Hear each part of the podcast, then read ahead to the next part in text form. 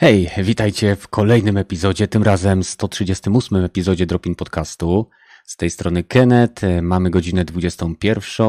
E, chwilka ciszy na początku była wywołana tym, że oczywiście zapomniałem, że jak przepnę sobie kabelek USB w inny port, to OBS gubi urządzenie, więc jesteśmy już teraz na żywo. Witam Gragiego, Kiwaku i Rogatego. Cześć panowie. Cześć. Dobry wieczór.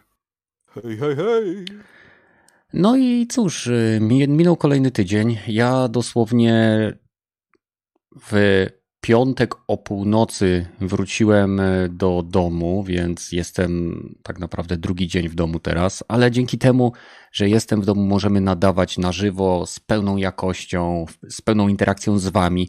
Więc jeżeli chcecie z nami właśnie w taki sposób wchodzić w interakcję, to zapraszam Was właśnie co niedzielę o godzinie 21 lub zimą w okolicach godziny 20, e, bo, bo to jest najciekawszy, że tak powiem, sposób jakby słuchania i rozmawiania z nami. Mamy wszyscy podgląd na czat, także możemy z Wami e, jakby wchodzić w interakcję. Zachęcam Was też do odwiedzenia Discorda i innych linków, które znajdują się w opisie. Jeżeli chcielibyście z nami pogadać, to nie ma lepszego dojścia do nas niż właśnie nasz społecznościowy Discord.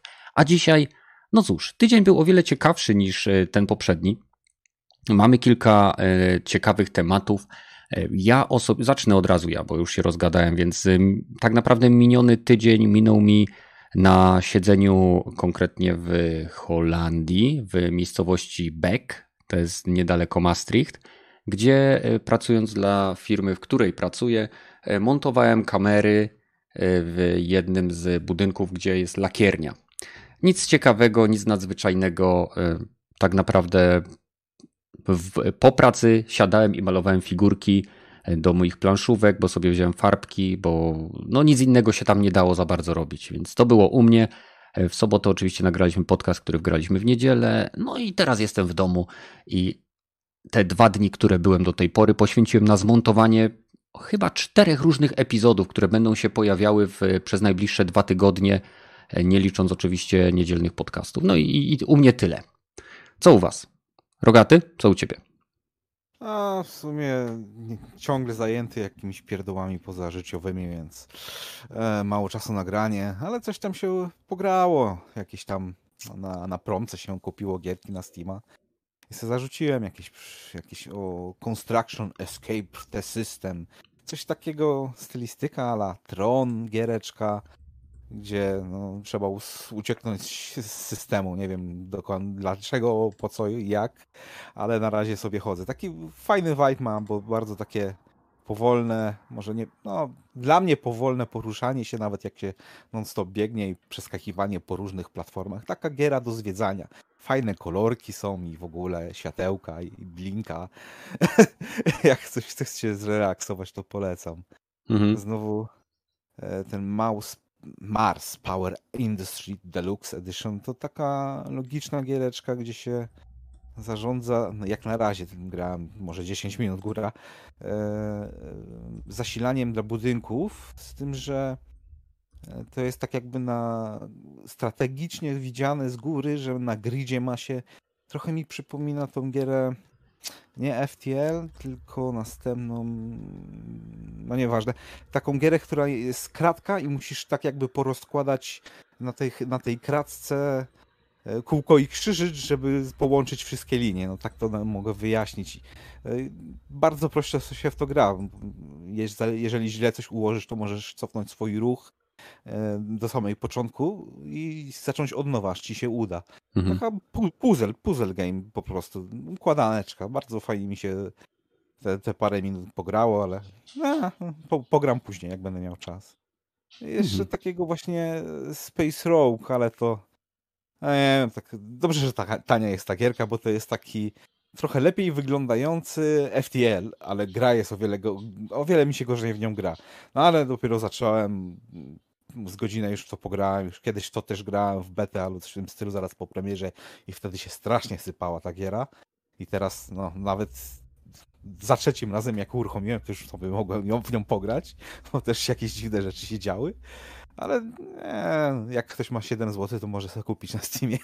Nie, mhm. nie polecam, ale za tą cenę, wiecie jak, to możecie, wiesz, wie, niekiedy piwa droższe kupuje. No tak. Okej. Okay. Gragi, co u ciebie? Co tam szarpiesz? No, u mnie właśnie trochę w tym tygodniu było mniej grania niż w zeszłym tygodniu, ale trochę pograłem, bo trochę i znowu w BF-a troszkę pograłem. Dzisiaj jeszcze w Mortal Kombat, bo wyszła nowa wieża z okazji 4 e, lipca. Wiadomo, to jest Dzień Niepodległości w USA, więc e, gdzieś tam e, sobie ten, no wiadomo, dzisiaj zainstalowałem też FIFA, no bo mamy ten okres, kiedy ja gram FIFA, bo nie ma nic innego. E, a tak to trochę sobie pograłem na tym e, Xbox Cloudzie, który wyszedł kilka dni temu do przeglądarek. I kurde, powiem wam, że całkiem fajnie się w to, gra, e, to działa i naprawdę bardzo fajna opcja, jeżeli chcesz, chcesz sprawdzić sobie grę, ale niekoniecznie ci się uśmiecha ściąganie X danych na, na dysk dla przysłowych 5 minut. Więc to dla mnie gdzieś tam zrobiło wrażenie, że na przykład taką Forze Motorsport, która waży 120 giga, e, czy tam troszkę mniej, e, bo staram się to tam z dodatkami wszystkimi, e, sobie mogłem ograć bez konieczności jej odpalenia. Tylko widzę tak, na pewno wiadomo, trzeba mieć dobre połączenie, to jest wiadomo, ale widzę też kilka minusów, bo z jednej strony to nie jest tak, że mamy dostęp do całej biblioteki, którą mamy w Game Passie na PC, czy, czy tym, tym tylko to są wybrane tytuły, więc już jest pierwszy minus, że nie we wszystko zagrasz w tym y, Xcloudzie, e, tylko to są, musi po prostu to Microsoft najpierw ci ogłosić, że będzie w cloudzie, e, a dwa, e, zazwyczaj, chociaż nie zawsze, bo na przykład taka Forza ma taką opcję, że jednak w większości te gry są w wersji oryginalnej, czyli po angielsku, tak? Czyli jeżeli taki na przykład Doom ma normalnie polski dubbing, polski e, gdzieś tam napisy i tak dalej, e, w Xbox Cloud tego nie będzie, mimo tego, że gra jest z tego buildu konsolowego i tam był przecież ten polski język, ale w cloudzie go nie ma i to, to jest dla mnie trochę jednak mimo wszystko mm, upierdliwe bo jednak no, ja się wtedy czuję, jakbym grał wybrakowaną grę, mając świadomość, że jednak gra w, ma możliwość e, polskiego języku, a tutaj go nagle nie ma. E, chociaż w takiej właśnie mówię, Forzie bez problemu, tylko dla mnie na przykład już jest problem to, że na przykład taka Forza Horizon, ale to już wcześniej czytałem, że dla mnie jest problem to, że jeżeli na przykład masz, e, bo wiadomo, że i tak nawet kupując tę grę na Steamie, i tak musisz się zarejestrować do tego Microsoftu i tak dalej, i tak dalej. I dla mnie to jest problemem, że jeżeli kupiłem grę na Steamie, e, to te osiągi mi się w ogóle później, jeżeli bym grał w wersję Game Passową, w ogóle mi się nie synchronizują, więc tak naprawdę jeżeli kupiłeś sobie DLC-ki, coś tam, to to wszystko leci ci od zera, chociaż na przykład z Doomem teraz zauważyłem, że jest E, na odwrót. Mimo, że e, teoretycznie w Dumie, e, Doom Eternal w Game Passie to jest wersja standardowa, to po zalogowaniu się do Bethesdy miałem dostęp znowu do dodatków na konsoli, mimo że nie mam konsoli. No i też się właśnie z Game Passem naciąłem na jedną grę, na którą byłem lekko zajarany, a się okazało, że bo miała być w dniu wcześniej dla Game Passu, bo ona będzie miała normalnie premierę 15 lipca i będzie E, na Microsoft Store, e, będzie też na PC-tach. E, I problem był taki, że była promowana, mówię tutaj o Space Jam A New Legacy The Game, że była promowana, że to będzie gra właśnie w Game Passie da, i dla PC-ów, i dla tego, nie? To czy tak, tak się mi wynikało z komunikacji, bo ona aż tak bardzo nie była jakoś bardzo szczegółowa. No a prawda jest taka, że ten wcześniejszy dostęp dla Game Passowców jest, ale tylko dla osób, które mają Xbox One bądź Xbox Series X. No i w tej chwili mam grę na Xboxa, nie mając Xboxa i to jest problem, bo w Xcloudzie nie mogę też tego odpalić, bo ta gra nie jest obsługiwana przez Xclouda. Więc takie mówię, jeżeli w ten sposób Microsoft chciał mnie zachęcić, żebym kupił Xboxa, no to no średnio mu to wyszło, no sorry. Więc mhm. y, mówię, w tym tygodniu byłem trochę właśnie po zielonej stronie mocy, bo nawet w jednym artykule, który powinien się ukazać na dniach, też trochę tych gier właśnie z Xboxa właśnie umieściłem w zestawieniu, więc troszkę powiedzmy, że mówię, dalej ten mój romans trwa, ale e, no troszkę mówię, trochę się sparzyłem przez te parę rzeczy, o których przed chwilą powiedziałem, także u mnie tak to wyglądało w tym tygodniu. Mhm. A powiedz mi, bo tutaj akurat M pisze, że on grał w Doom Eternal na cloudzie i był po polsku. Może kwestia wejścia w ustawienia? No właśnie wszedłem i jakoś, no nie wiem, no nie było, jak słowo daje. Chyba, że ja naprawdę gdzieś to pominę, ale chyba z 5 minut siedziałem w tych ustawieniach i, i nie było, jak słowo daje. Musisz, pisze, że musisz zmienić na xcloud.pl, bo domyślnie wskakuje e, xcloud US. A, bo ja myślałem, że to jest. Dobra, to, to, to wtedy wiele wyjaśnię, bo ja myślałem, że to jest tylko w US, a nie, że jest wersja PL. Dobra, to wtedy.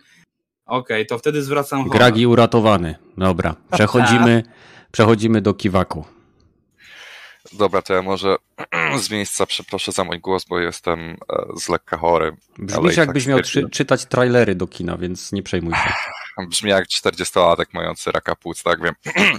E, a zatem e, w tym tygodniu byłem wyjątkowo produktywny, a przynajmniej jeśli chodzi o gierki, bo udało mi się aż trzy skończyć, co jest, nie wiem, chyba moim personal rekord od dłuższego czasu przynajmniej. No pewnie jakieś małe indyki. E, tak, tak, to jest prawda. To jest akurat prawda, cholery.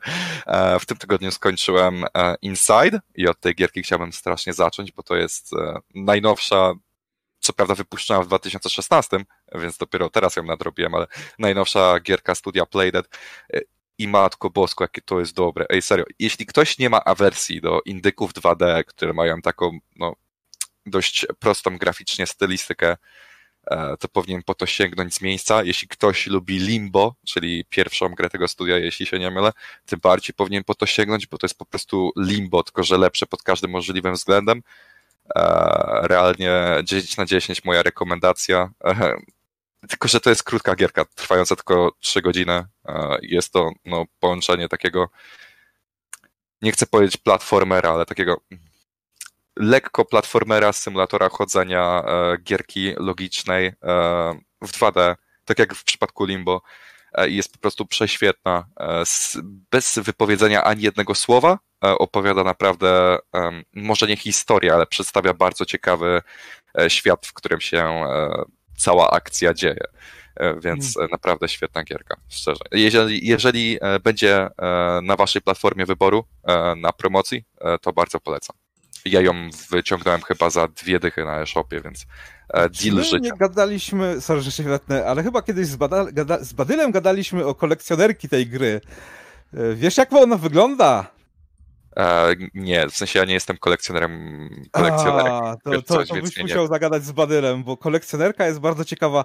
W pewnym momencie w grze się takiego bloba cielesnego tak. widać tak, to tak, to tak. jest dokładnie w tym pudełku stworzony z materiału, którego się używa do no, flashlightów. Chyba firma Flashlight współpracowała przy robieniu tej kolekcjonerki. Mhm. No to bardzo ciekawe, nie? W sensie... Praktyczne. No. Kolekcjonerskie i praktyczne. Praktyczne, tak. No, no, kupna kolekcjonerki nie polecam, nie miałem kontaktu, ale gierka jak najbardziej. E, na jedno posiedzenie jest po prostu idealna. A, ja bym powiedział, że na niezapomniane doświadczenie. Sorry, ci się wetnę, ale e, ona ma tak jakby dodatkowe zakończenia i dodatkowe sekrety. Ja bym no tak, ale miejscu, rdzenie rozgrywki to tak naprawdę 3 godziny, no, no, mi zajęło 3 godziny, ale ja się no, no zaciąłem no, na niektórych zagadkach. Takie 2,5 godziny dobrej, e, dobrej, dobrego doświadczenia, bo nie chcę tak, mówić. Tak, zgadzam no, się. Serio. E, więc tak, zdecydowanie polecam Inside. E, mhm. Drugą gierką był Bastion i to jest gierka twórców Hadesa i Transistora, więc myślę, że nie muszę nikomu tego tytułu przedstawiać. W sensie to była chyba ich pierwsza gra, jeśli dobrze pamiętam, więc mhm mimo tego, że była debiutancka, to i tak jest świetna i e, no nie będę się o tej grze roz, e, rozpowiadał, no bo o tym, że Super Giant jest genialnym studiem wie chyba każdy. E, no a trzecią gierką było Darksiders Genesis, czyli taki średniaczek z chyba początku zeszłego roku i szczerze zaskoczyła mnie ta gierka, bawiłem się przy niej lepiej niż sądziłem. Ja mam taką wewnętrzną awersję do serii Darksiders, ponieważ dwójka miała u mnie taki krytyczny błąd, który, przez który e, gra nie miała w ogóle dźwięku, niezależnie od ustawień telewizora i samej gry i tak dalej, gra po prostu nie wydawała żadnego dźwięku, mhm. E, więc tak stwierdziłem, że w niemą gierkę nie będę zbytnio grał, więc po tam dwóch godzinkach męczenia się odpuściłem, a Darksiders 3 mnie strasznie strasznie wymęczyło do tego stopnia, że nawet nie chciało mi się po drugim bosie grać, więc tak po prostu byłem strasznie zaskoczony, że właśnie taka najmniejsza gierka z całej serii e, przyciągnie mnie do siebie na najdłużej, bo akurat Darksiders Genesis udało mi się przejść od początku do końca i zrobiłem sporą część dodatkowego kontentu, więc jestem niesamowicie zaskoczony e, tą grą. Przede wszystkim tym, że ono tak dobrze działa, jeśli chodzi o po pierwsze taki, taki Diablo-like, nie chcę mówić, w sensie to nie jest gra action RPG, tak jak Diablo, ale przeniesienie kamery na izometryczną zamiast tej trzecioosobowej typowo było według mnie świetnym zabiegiem, bo po prostu o wiele przyjemniej mi się zabijało wszelkie demony, o wiele przyjemniej mi się walczyło z bossami, e, bo mniej mi to przypominało takie biedne Devil May Cry, a bardziej mi przypominało takie, ej, dobrze wykonane pseudo Diablo, więc naprawdę, naprawdę polecam, ale też na głębokiej przecenie. Okej, okay. E, co ciekawego na czacie, no chłopaki się chwalą, że grają w, w Ratcheta z 2016 roku. Bardzo dobrze. E, I... Pięć lat temu też bym się tym chwalił. W sensie gierka była niedawno e, rozdawana za darmo, więc teraz o wiele więcej osób ma okazję ją przetestować. Dokładnie i to za darmo. No. I to na stałe. I to na Nie, stałe, bo to było w Play at Home. Dokładnie. Dokładnie tak, dobra. Więc... Więc kudosy, czy jak to się tam mówi. Okej, okay. E, przechodzimy do... Więc dałem kropkę. Kropkę? Możesz kontynuować. Kontynuuję. E, więc przechodzimy do pierwszego głównego tak, tak. tematu, e, który wiąże się... Zdanie, w sensie. Rozumiem. Przechodzimy do pierwszego tematu związanego z Blueberem i Konami. Mowa oczywiście o pewnym liście czy raczej umowie e, między Konami i Blueberem, której szczegóły są na razie nieznane. Wiadomo, że firmy są zainteresowane współpracą i tu oczywiście powstaje pytanie, jakimi grami ze stajni Konami może się zająć Blueber i dlaczego to może być Silent Hill. Więc jak sądzicie, czy bo wiadomo, że oni będą coś tam robić, tak? Wiadomo, jakie gry do tej pory robili. E, zrobili Basement Brawl, która była jedną z gorszych gier na PlayStation 4. E, później zrobili Layers of Fear, Layers of Fear 2. E, w końcu doszliśmy do Medium, więc generalnie specjalizują się w pewnego rodzaju thrillerach, horrorach, chodzonkach e, i straszydłach. W wielkim skrócie. Czy uważacie, że Blueber ze swoimi doświadczeniami, które jakby nabył do tej pory, jest w stanie zrobić Silent Hilla i jakie E, jakie mocne strony polskiego studia mogą wpłynąć pozytywnie, bo wiadomo, to jest bardzo dużo, jeżeli to będzie ten projekt, to to jest bardzo ambitna sprawa. To nie znaczy oczywiście, że wszystkie Silent Hill były wybitne, bo były i dobre, i średnie, i takie sobie. Pytanie, czy Blueber będzie w stanie podołać takiemu wyzwaniu, żeby, wiadomo, będzie pod lupą. Jak to, jak to widzicie? E, nie wiem, Rogaty, dawno nie mówiłeś. No powiem ci tak, jeżeli by się mieli skupić na tym dokładnie, co robią teraz, czyli takich narracyjnych grach, ale e, o liniowej unikalnej fabule, no to może by było, to może by się udało im opowiedzieć jakąś ciekawą historię w świecie Silent Hilla. Mhm. To, to, tutaj raczej nie ma za bardzo problemów z tym, bo już to zrobili kilka razy, bo podobne właśnie zagrywki mieli, tego się nauczyli i robią to dobrze, więc raczej by piłki nie upuścili.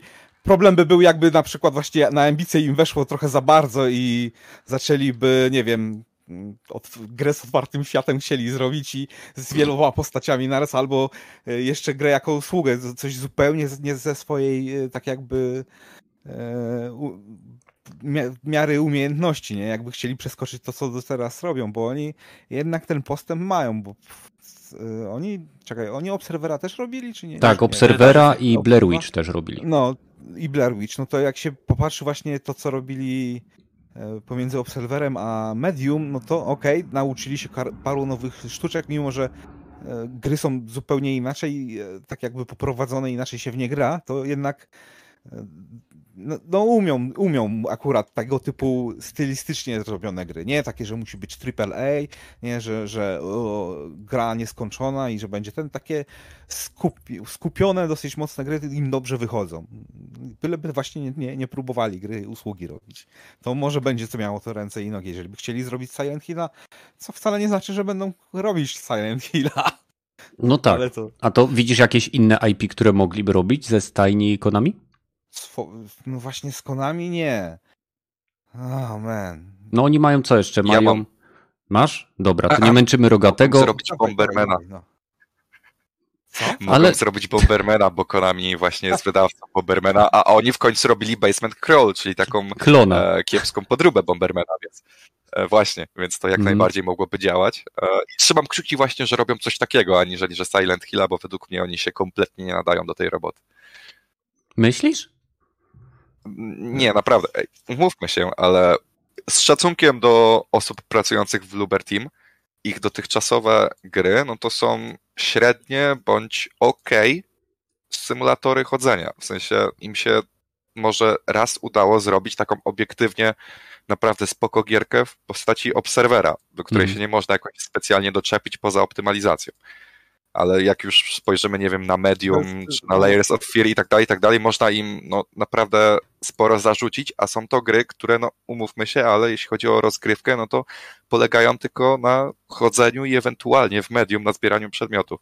Ale E, Więc gdyby mieli się wziąć za jakiś projekt, który miałby o wiele bardziej złożone systemy rozgrywki, no to mogłoby się to posypać jeszcze bardziej, przynajmniej Ale- według mnie. tym, tym dla mnie były właśnie Silent Hill, takie chodzenie i tam od czasu do czasu obróć się i czasu do czasu jakiegoś puzzle zrób.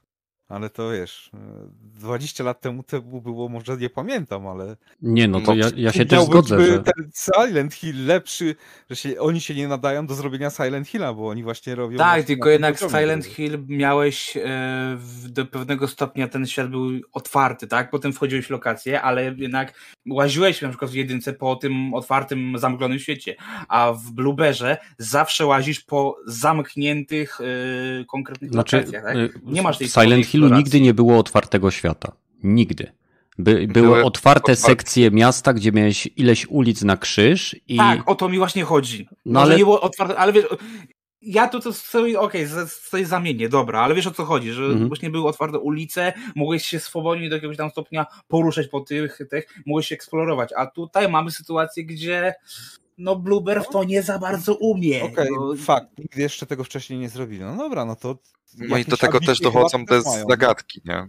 a w sensie- może, Zagadki w ich dotychczasowych grach polegają na zbierz przedmiot, który ani trochę nie kojarzy ci się z tym, co powinien zrobić teoretycznie, Stary, a potem to wykonujesz.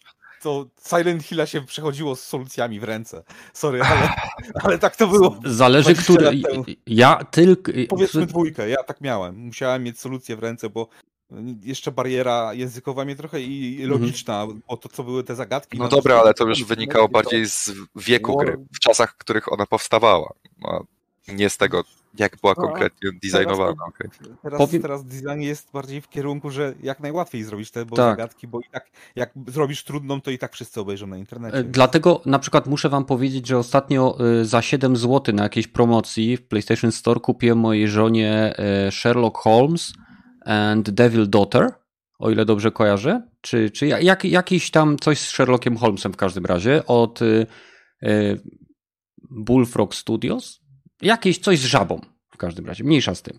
E, I to jest jedna z niewielu przygodówek logicznych, gdzie się jest detektywem, gdzie gra w ogóle nie prowadzicie za rączkę, gdzie ty, ty zbierasz dowody, ty rozmawiasz z ludźmi, wchodzisz do specjalnego menu, gdzie łączysz te dowody, które dają ci jakąś tam, jakieś drzewo potencjalnych e, decyzji i jakby wyborów i na tej podstawie wydajesz sądy, które na przykład możesz oskarżyć i wysłać do więzienia złą osobę, albo możesz, masz moralne decyzje, które e, na przykład jest, jest je, bo tam jest ileś tych spraw, nie? Tam jest jakaś oczywiście linia fabularna nad nimi wszystkimi, ale Sherlock Holmes rozwiązuje kolejne tam morderstwa, sprawy, które do niego są przysyłane. I y, jest tam sytuacja taka, gdzie y, goście, którzy wrócili, załóżmy z Egiptu z ekspedycji, wszyscy zaczęli chorować. I co się okazało, że było czterech gości, trzech wróciło. Czwarty rzekomo był martwy i e, oni wrócili z artefaktami. A wrócili dlatego, że w momencie, kiedy oni grabili ten grobowiec, e, coś się tam zaczęło dziać, jak to w grobowcach zazwyczaj się dzieje, no i musieli uciekać i zostawili jednego ze swoich, który musiał się tam sam wydostać i tak dalej. Oni sobie przywłaszczyli wszystkie jego skarby, niczym się z nim, z nim nie podzielili, no i tak dalej, i tak dalej. I w pewnym momencie tej sprawy się y, gracz dowiaduje, kto jest tą osobą, co oni zrobili i teraz ma decyzję.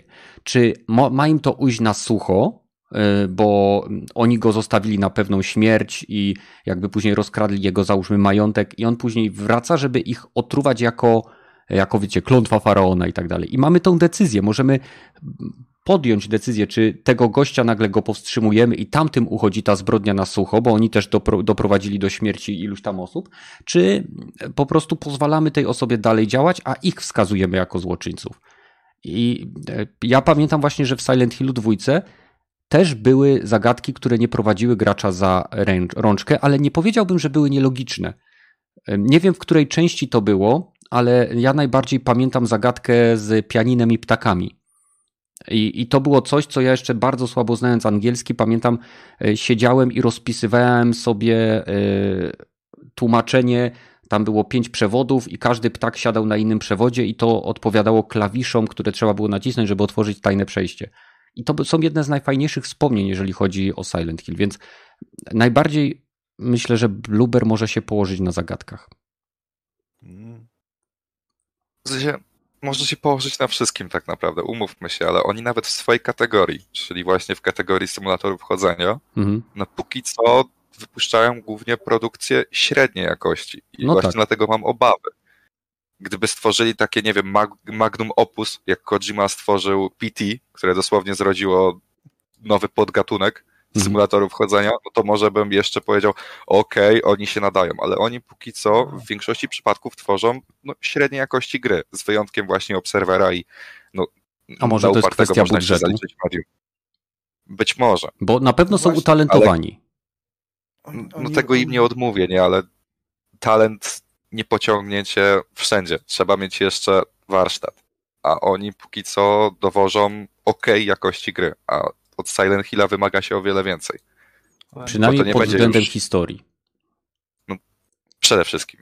A może to nawet nie będzie dlatego, może to nie będzie właśnie, że oni robią grę, ale na przykład, nie wiem, będą robili jakiś port z jakiejś starszej części, albo remake, remake albo po prostu będzie coś na zasadzie e, tej wizerunkowej po prostu wymiany, że na przykład, nie wiem, Bluebird stworzy sobie jakąś grę cokolwiek, albo ten i na przykład jakąś tam Konami tylko użyczy prawa do jakichś tam wizerunków, albo Konami będzie chciało zrobić, nie wiem, The Medium 2 na przykład, nie wiem.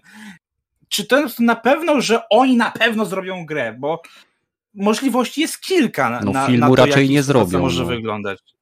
No, Gdyby no... robili remake, to byłbym o wiele bardziej e, optymistyczny pod względem tego projektu, bo to by oznaczało, że muszą po prostu unowocześnić coś, co jest już dobre mhm. a nie tworzyć coś okay. kompletnie no, nowego. Mówię, na, na początek właśnie byłoby dla nich do, dobrym takim polem doświadczalnym, tak? Jeżeli na przykład powiedzmy dostaliby tak jak Bluepoint Games, nie? Że dostaliby z oryginalnego Silent Hilla, tylko po prostu go ulepszyć graficznie, ale cała reszta zostaje taka, jaka była te 20 parę lat temu.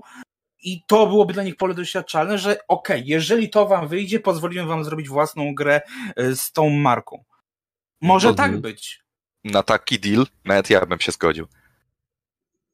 No. A teraz czekaj, bo jest pytanie na czacie e, od Grzybka. E, dobra, zadam pytanie inaczej. To kto byłby lepszy niż Bluebird Team? Bardzo dobre e, ja, pytanie. Ja z chęcią na nie odpowiem. Frictional Games, czyli twórcy Amnezji, Somy i Penumbry. Dziękuję, dobranoc, możemy się rozejść. Słuchaj, a ja osobiście, y, oprócz tego, co powiedziałeś, bo w Somę grałem troszeczkę, nie skończyłem tego tytułu z braku czasu. W Amnezję y, w nocy w słuchawkach polecam, chociaż to już jest starszy tytuł, więc pewne drewniane mechaniki tam są. Ale, Ale ja, ja z kolei bez problemu bym rzucił ten kawałek mięsa Kojimie. No, też, przede wszystkim, właśnie, przede wszystkim Kojimie, no. okej? Okay? Jakby na to nie patrzeć, y, to co on zrobił z PT to jest, to jest coś wyjątkowego i, i chociaż powiem szczerze tak, Silent Hill 1 jest tak głęboko gdzieś e, zakorzeniony e, w moich wspomnieniach gamingowych, że jeżeli faktycznie Blueber zająłby się remake'iem tego tytułu, to byłbym zadowolony, bo, bo mielibyśmy szansę na, na coś wyjątkowego, a jeżeli tak jak mówicie, by im się to sprawdziło, to nie wiem, co jeszcze by mogli zrobić. No, patrzę tutaj na gierki od Konami, w, z ostatnich, no ale co oni mają? Silent Zawsze Hill. mogą zrobić Demedium Pacinko. Frogera mogą no. zrobić, kuźwa. Nie, nie, nie, nie. Nie, ale albo ten Bomberman, Bomberman byłby bardzo prawdopodobny w sumie jeszcze, poza tym Silent Hillem. Tak Dokładnie, Bomberman i Silent Hill są najbardziej e, prawdopodobne, nie? Albo, nie wiem, Dino Crisis. To, to jest Capcom. Capcomu. A, a, myślałem, że dobra, Japońcy to jedno to samo praktycznie, więc. A, ale nie, tak myślałem przez chwilę. Mhm. No, no. Zawsze mogą zrobić nowego PS-a. No, jak, ale nie, oni nie robią sportowe gry, no proszę cię. Nie, nie, nie. nie. Byś miał symulator. Nie, tak się trochę żartuje, no ale. Byś miał symulator fakt, że... chodzenia wzdłuż linii boiska sędzią. to mogłoby być nawet ciekawe, jeżeli byłoby dobrze zrobione. No ale tak, no w sumie tych możliwości innych poza tym Silentem to nie ma jakoś zbyt dużo, nie? Hmm. Od razu zaznaczam, że jeżeli teraz powstanie jakaś gra, gdzie się będzie grało sędzią i trzeba będzie dostrzegać y, ten y, faule nam podczas meczu, to będę, będę żądał tantiem. No. No, no. Na wirtualną rzeczywistość sam raz. A jeszcze wyobraź sobie multiplayer, gdzie masz czterech gości wiesz, sędziów liniowych yy, i, głównego jeszcze, nie? Niesamowite by było. Dobra. Yy, czyli Kon Konami to faktycznie Bomberman albo Silent Hill. Czyli... No Castlevania raczej na pewno nie zrobią. Nie, oni nie są... Je, no nie, je, jedyna Metal też raczej nie. Jedyna dynamiczna gra, którą zrobił Blueber, to był Basement Crawl. I to był po prostu... To była zrzynka Bombermana. Nie, nie, nie. Przecież jeszcze zanim stali się Bluebird Team, mhm. e, zrobili tą gierkę muzyczną o piosenkach Chopina, więc to było dość dynamiczne. Ja bym powiedział, że nie. Co prawda potruba Guitar Hero, ale, ale dynamiczna. Okej, okej, okay, okay, dobra. Czyli ro następną robią y, Dance Dance Revolution. No, dokładnie. No. Dobra, no to przechodzimy do następnego tematu który bardzo y, obrazowo został okraszony miniaturką z dużą ilością uśmiechów. E, wiemy, że będziemy, czy otrzymamy Ghost of Tsushima Director's Cut, które będzie zawierało możliwość upgrade'owania wersji PS4 do PlayStation 5, możliwość zakupienia dodatku z nową wyspą i zakupienia całego pakietu E, ogólnie nie ma możliwości, żeby na przykład otrzymać upgrade do podstawowej wersji Tsushimy do wersji PlayStation 5. Jak wy się na to zapatrujecie? Jak to widzicie? Mam wskazać? Może ten być. Upgrade, Kiwaku, jedziesz. Ten upgrade jest tak bardzo niepotrzebny. W sensie ta gra już dostała aktualizację, która odblokowuje 60 klatek w Ghost of Tsushima. Mhm. Więc tak naprawdę ten upgrade do wersji PlayStation 5 dodaje tylko obsługę DualSense, czyli no właśnie e, wibracje i ich mm, obsługę triggerów. Efektu, efektu trigger właśnie. Mhm. Um, no i jeszcze synchronizację mimiki pod e, japońskie głosy postaci. I to jest w sumie tyle. A, i jeszcze szybkie czasy ładowania, więc jeśli ktoś chce te trzy, e, powiedziałbym, że no, stosunkowo mało znaczący aspekt, no może poza tą japońską synchronizacją, no to nie warto jest po prostu płacić te dodatkowe 40 no. zł na upgrade. Zaraz to jest po prostu nieopłacalne. Nowe, nowe treści, nie? Pamiętaj, okay, że jeszcze masz okay. nowe Nie, treści. nowe treści możesz uzyskać dopłacając 8 dych za sam dodatek. Po prostu Okej, okay, ale zaraz, zaraz. Kiwaku, wspomniałeś o szybkich czasach ładowania. Przecież no. loadingi na PlayStation 4 w Ghost of Tsushima trwały 3 sekundy. Szybkie. No właśnie, no to tym bardziej. No to dwa aspekty z czego według mnie obsługa DualSense'a nie jest aż tak ważna, żeby płacić za nią 4 dychy, więc tak naprawdę uważam, ludzie, płaczcie, płaćcie po prostu 8 dych za ten dodatek i miejcie wywalone w natywną wersję PS5, bo się nie opyla. I no to jest moja opinia. Ja też tak na uważam. Na temat Ghost of Tsushima Director's Cut. Po prostu się nie opłaca, bo to jest 4 dychy za wibrującego pada. E, ciupkę fajnie. Co prawda fajnie on wibruje, ale nie na tyle, aby płacić dodatkowe 4 dychy do gry. I, i będziesz czuł też napięcie łuku. Wiesz, opór, super, opór super. spustu podczas. Nie no, warte cztery dyszki, wiadomo. A jeśli chodzi o dodatek, no to nie wiadomo, jak duży on będzie, więc e, dopiero po premierze się okaże, czy jest warty 8 dych. Mhm. Więc taka jest moja opinia póki co.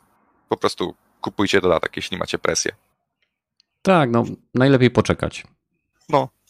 Rogaty, jak ty widzisz to jako posiadacz Xboxa? No jak mówiłeś mi, że to nie jest potrzebne i w ogóle to tak a, fajna rzecz. Niedawno testowałem też właśnie RTX-a na X dodali do Duma Eternal i mi się nie zrobiło na mnie to za bardzo dobrego wrażenia, ale fajnie, że dodali. I dopiero jak powiedziałeś, że to cztery dych kosztuje, to zaskoczyło. A, kasa! No. Płatne rozszerzenie i polepszenie gry za pieniądze. Mm.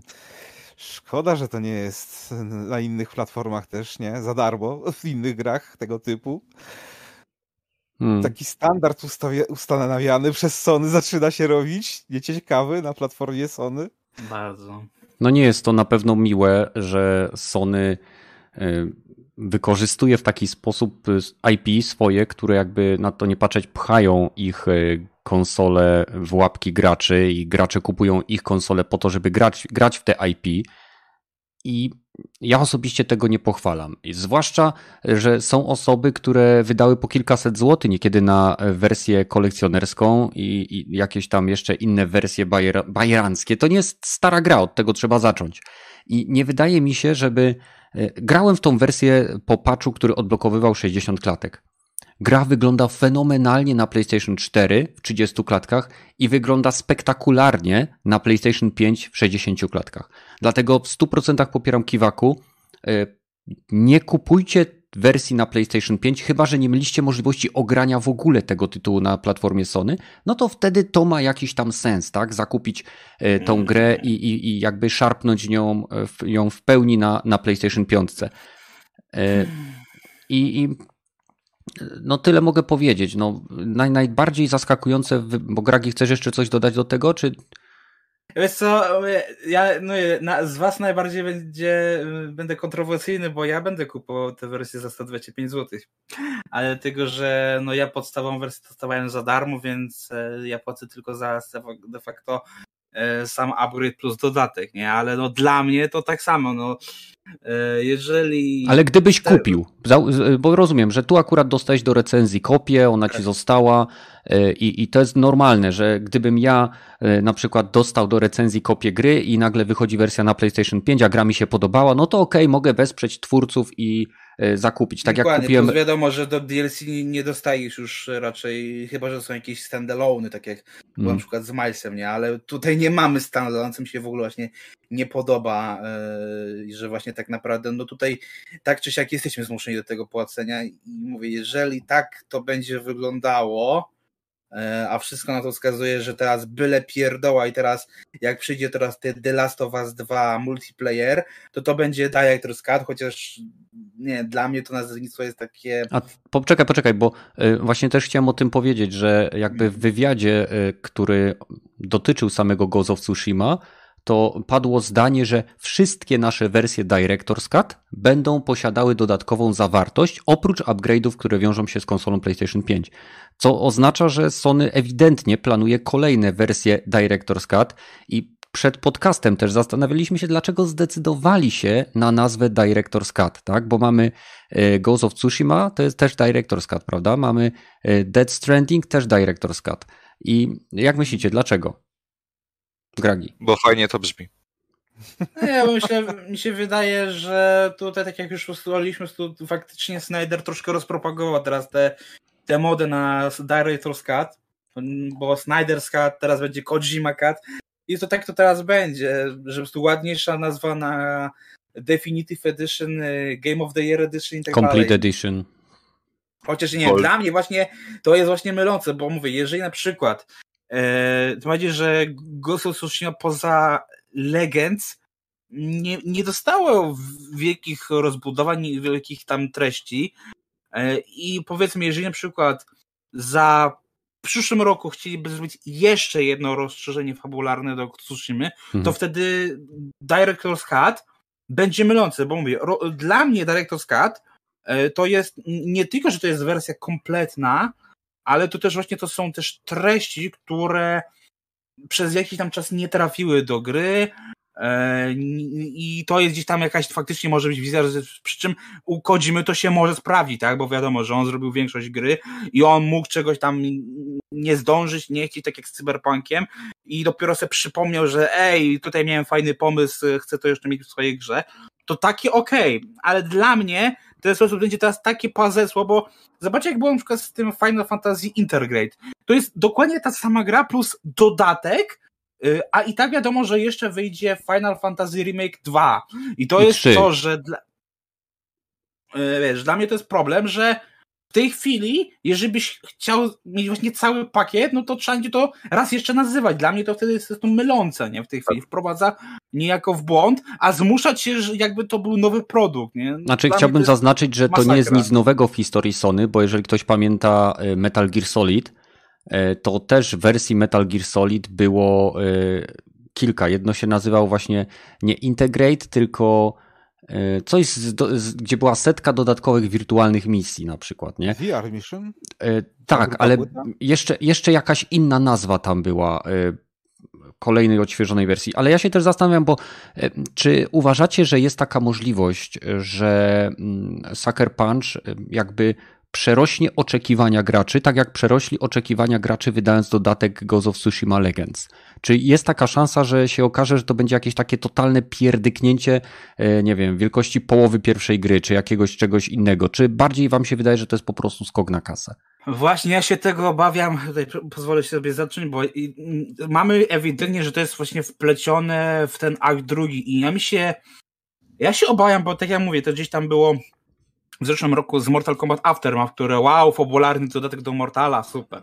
Tak, tylko że to było na dwie godziny rozgrywki. Tak samo było przecież ze Spider-Manem, że Spider-Man e, na premierę dostawał trzy dodatki, które trwały było tam dwie godziny i ja się boję, że Sony będzie chciało właśnie w ten stronę, że już nie będzie chciała robić e, tak jak było na przykład właśnie ze Spider-Manem, gier, które mogą funkcjonować jako standalone czy Uncharted Zaginione Dziedzictwo, a będą chcieli takie małe, poboczne misje, pierdółki, ten, które jeżeli będziecie wchodzić w tę grę tak jak e, nowi użytkownicy, bo wiadomo, że dla nowych użytkowników ty, ten, tak naprawdę ten Director's Cut jest e, dedykowany tak naprawdę, którzy jeszcze nie kupili tej gry, E, no to mi się wydaje, że mm, znaczy okej, ta wyspa ma być nowym terenem, nowi przeciwnicy, now, nowe broni itd., itd., ale mi się wydaje, że to może być e, tak wplecione e, w tę oryginalną historię, że bardzo szybko stracimy tak naprawdę poczucie, że gramy w coś nowego. I mi się wydaje, że to może być, mówię, pierdnięcie na jakieś 2-3 godziny i już o tym zapomnisz. E, Bo też mówię, no gdyby to było E, mi się wydaje, że właśnie poniekąd cena 84 zł to właśnie to sugeruje, bo gdyby to było faktycznie jakieś duże rozszerzenie, jakieś przygotowanie, tak jak było z Uncharted Zaginione Dziedzictwo, to by pewnie kosztowało te 125 zł y, docelowo, od razu, nie? Ale A zaraz, zaraz, mamy- zaraz, przepraszam, że ci wejdę w słowo, ale popatrz na dodatki do Wiedźmina, w jakich były cenach i ile oferowały. Ale Wiedźmin to O. trochę inna bajka, tak? Pamiętaj, no że dobra, ale też gościu biega z mieczykiem. Gierki tak, ale- też miały porządne dodatki. Na przykład Horizon Zero Dawn miało tani, bardzo dobry dodatek Frozen Wildlands. Bloodborne ale- miało bardzo dobry Tak, dodatek. ale pamiętaj, że on trwał kilka godzin i to była właśnie, mówię, no jednak mi się właśnie wydaje, że oni będą chcieli odejść od tego, że zrobić coś troszkę mniejszym kosztem na bazie tego, co już jest, tylko dodać jakąś tam nową zawartość i Czyli w skrócie, to raz jeszcze. czyli w skrócie według ciebie Sucker Punch nie, nie zrobi po raz drugi tego, co zrobił z Ghost of Tsushima Legends, czyli nie zaskoczy graczy pozytywnie, Mhm. tylko to jest skok na kasę. Trochę tak. Okej. E, Kiwaku, jak ty uważasz? Uważam, że to będzie po prostu dobry dodatek. Tak jak w większości gier Sony. W sensie w Bloodborne był dobry dodatek, w Spider-Manach były krótkie, ale i tak dobre dodatki. A w Horizon Zero Dawn był prześwietny według mnie dodatek, więc e, Sony jest na naprawdę e, dobrym streaku, jak to się mówi, i myślę, że będą go kontynuować. Mhm. W sensie nie oczekiwałbym takiego hitu jak w przypadku e, Ghost of Tsushima Legends, no bo to był dodatek w pełni za darmo, który dodawał zauważalnie dużą ilość zawartości, jak na swoją zauważalnie niską cenę. jakby też zera troszkę złotych, czymś innym. zera złotych. Em, ale ten, myślę, że będzie to dodatek na poziomie właśnie dodatku do Horizon Zero Dawn, czyli no dobry, to nie będzie poziom Wiedźmina, że to mogłaby być osobna gra, albo nie wiem, jak w przypadku Dying Light, gdzie ten dodatek z otwartą mapką i jeżdżeniem buggy też mógłby być w sumie osobną, mniejszą grą e, w tej serii, ale myślę, że będzie to po Albo prostu no, sensownej jakości dodatek. Okej. Rogaty, jak ty to widzisz? Czy mogą zrobić to, o czym mówiliśmy, czy to jest skok na kasę? No, w chwili obecnej z powodu braku większej ilości szczegółów, to bym powiedział, że to jest jak zarobić jeszcze raz, właściwie trzeci raz już na tej samej grze i może ktoś to kupi. Mhm. To jest taka jakby bardzo powtarzająca się schemat u Sony zwłaszcza, e, gdzie właśnie w ten sposób e, zarabiają najwięcej kasy. No, było, były upgrade'y z PS3 do PS4 i dobra, dorzucimy tam jakiś content i sprzedamy to jako właśnie e, nie, nie remastery, tylko remake'i czy jakoś tak i, i, i tłuczemy to jak najniższym nakładem pieniędzy, żeby jak najwięcej zysków można było z tego uzyskać, sprzedając to głównie największym fanom. No. Ewentualnie ludziom, którzy jeszcze w to nie grali. O, nowa wersja wyszła i będziemy znowu mogli sprzedać prawie dokładnie tą samą grę za wyższą cenę. Mhm. E, ja powiem tak, faktycznie e, jest tutaj jakby decyzje i działania Sony są w kontraście z działaniem wydawców e, third party, tak? Czy to będzie Bethesda, czy to będą, nie wiem, nawet Square Enix, czy to będzie, nie wiem, no, słucham? Square Enix zrobiło dokładnie to samo. W sensie dodali dodatek Yuffie i zrobili edycję. Ale ja mówię tutaj o upgrade'zie na przykład do Avengersów którzy, który dali A. za darmo. Upgrade, nie? No dobra, to jest game as a poza service, tym, poza tym chciałbym zaznaczyć, chciałbym zaznaczyć, że y, upgrade do Final Fantasy VII Remake był darmowy dla wszystkich osób, które kupiły zarówno wersję cyfrową, jak i wersję, y, że tak powiem, y, płytową. Więc tak naprawdę ktoś mógłby sobie pójść i kupić za, za śmieszne pieniądze wersję na płycie, z czego Square Enix nie dostaje wtedy żadnej kasy i ściągnąć sobie e, wersję Final Fantasy VII Remake. Jasne, jeżeli chce kupić dodatek, to musi za niego zapłacić, ale to jest sam dodatek, a nie płacenie za upgrade, tak jak robi to Sony. Nie? Mhm. Bo, bo jest też dedykowana wersja Avengersów, która jest wersją na PlayStation 5 i ona też jest płatna i to jest pełna wersja gry i można ją kupić. Po prostu dla mnie zaskakujące jest to, że Sony tak mocno wykorzystuje swoją pozycję, e, jakby oddanie w pewnym sensie chyba swoich fanów, czy naiwność swoich fanów po to, aby generować zyski tam, gdzie one oprócz tego, że przynoszą im pieniądze, to według mnie psują im też po troszku, po troszeczku opinię e, i jakby nie wiem, nie wiem na ile ten pozytywny aspekt związany z ekskluzywnymi tytułami singleplayerowymi, które są tak e, wysoko oceniane przez media i tak niosą się później, i ludzie o nich rozmawiają. I nawet tutaj na podcaście Last of Us Part 2 wraca jak bumerang i wszyscy chcą mu wyrzucić, a to znowu wraca. Przepraszam. Nie, dajmy już temu zapomnieć, a e... i tak ludzie chcą gadać. No właśnie, więc wydaje mi się, że Sony popełnia błąd Zamiast budować sobie pozytywny PR, jak robi to bardzo dobrze Microsoft, e, swoim Game Passem, swoim podejściem do Frame Boosta, e, darmowymi e, upgrade'ami w wielu przypadkach, Sony, Sony działa zupełnie inaczej. Może im się to odbić czkawką. Zobaczymy. Myślę, że prędzej czy później na pewno, bo mówię, jeszcze rozumiem, gdyby to było jakaś, mówię, większy wysiłek, a tu to jest tak jak już ustaliliśmy, sam dodatek 84 zł, yy, upgrade do PS5 mamy kolejny tam powiedzmy 4 dychy i zostaje ci 5 zł na yy, te do, wszystkie dodatki yy, wiążące się z wersją PS5. I, mhm. No, mówię, dla mnie to jest bardzo tanim kosztem, bo ja mówię, tę zasadność tych wysokich cen bym jak najbardziej rozumiał, gdyby to była nowa gra, wiadomo, zrobiona od podstaw, no, o PS5, a, a nie remaster gry, która to nawet nie jest remaster. No, bądźmy szczerzy, to nawet nie jest remaster, bo no. wątpię, no. żebyśmy nagle zobaczyli tam tekstury wyższej, wyższej jakości. Okej, okay. nie, nie, nie wróżmy z fusów, bo tak naprawdę nie wiemy dokładnie, czym jest ten dodatek, jaki jest jego rozmiar, czy jego cena jest współmierna do jego zawartości.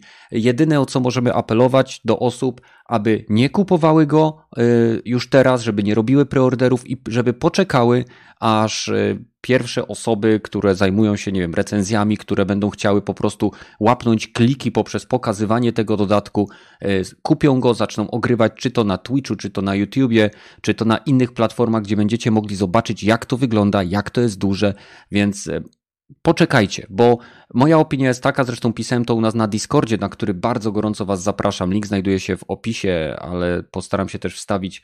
Czekajcie, już kopiuję. Postaram się też wstawić tutaj na czat, proszę. E, I zgubiłem wątek.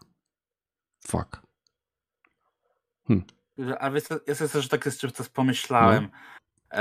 Że wiecie dlaczego może teraz tak e, Sony zaczęło robić? Dlatego, że oni wiedzą, że z tymi PS5 jest jednak ten problem na rynku, nie ma ich wiele i długo nie będzie, bo wiadomo, że te części od AMD to mogą nawet jeszcze z rok nie być dostępne. E, I mi się wydaje, że oni w ten sposób chcą sobie odbić te koszty, które e, im wyszły przy produkcji konsol.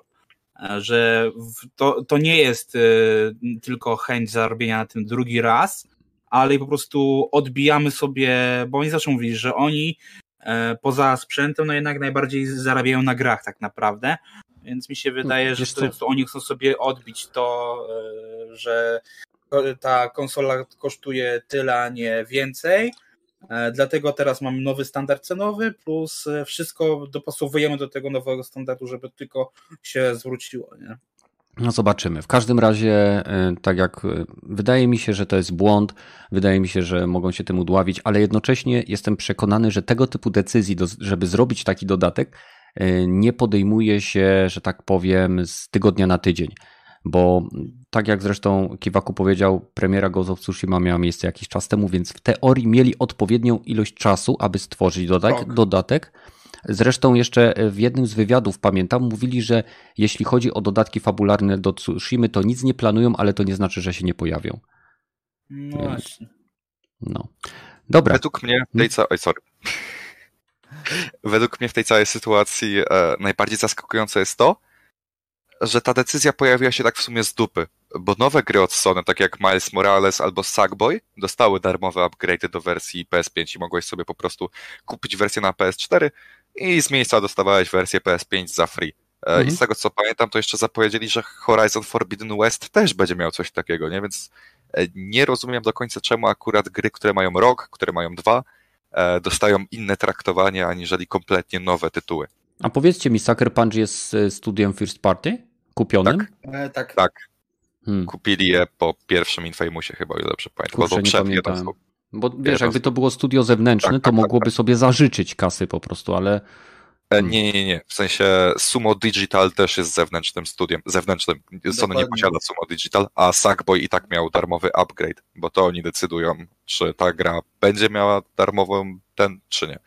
Mhm. No i w sumie dlatego też daj na początku generacji takie tłumaczenie, że to od wydawców i deweloperów zależy, czy e, to, e, ten upgrade będzie płatny, czy nie, więc no teraz tak. ma wszystko... Hmm, ale to jest właśnie na platformie Sony ten pytan, pytanie zawsze zadawane, czy ten dodatek będzie płatny, bo na, na, na platformie Microsoftu zazwyczaj jest nie, nie będzie płatny i macie go za darmo.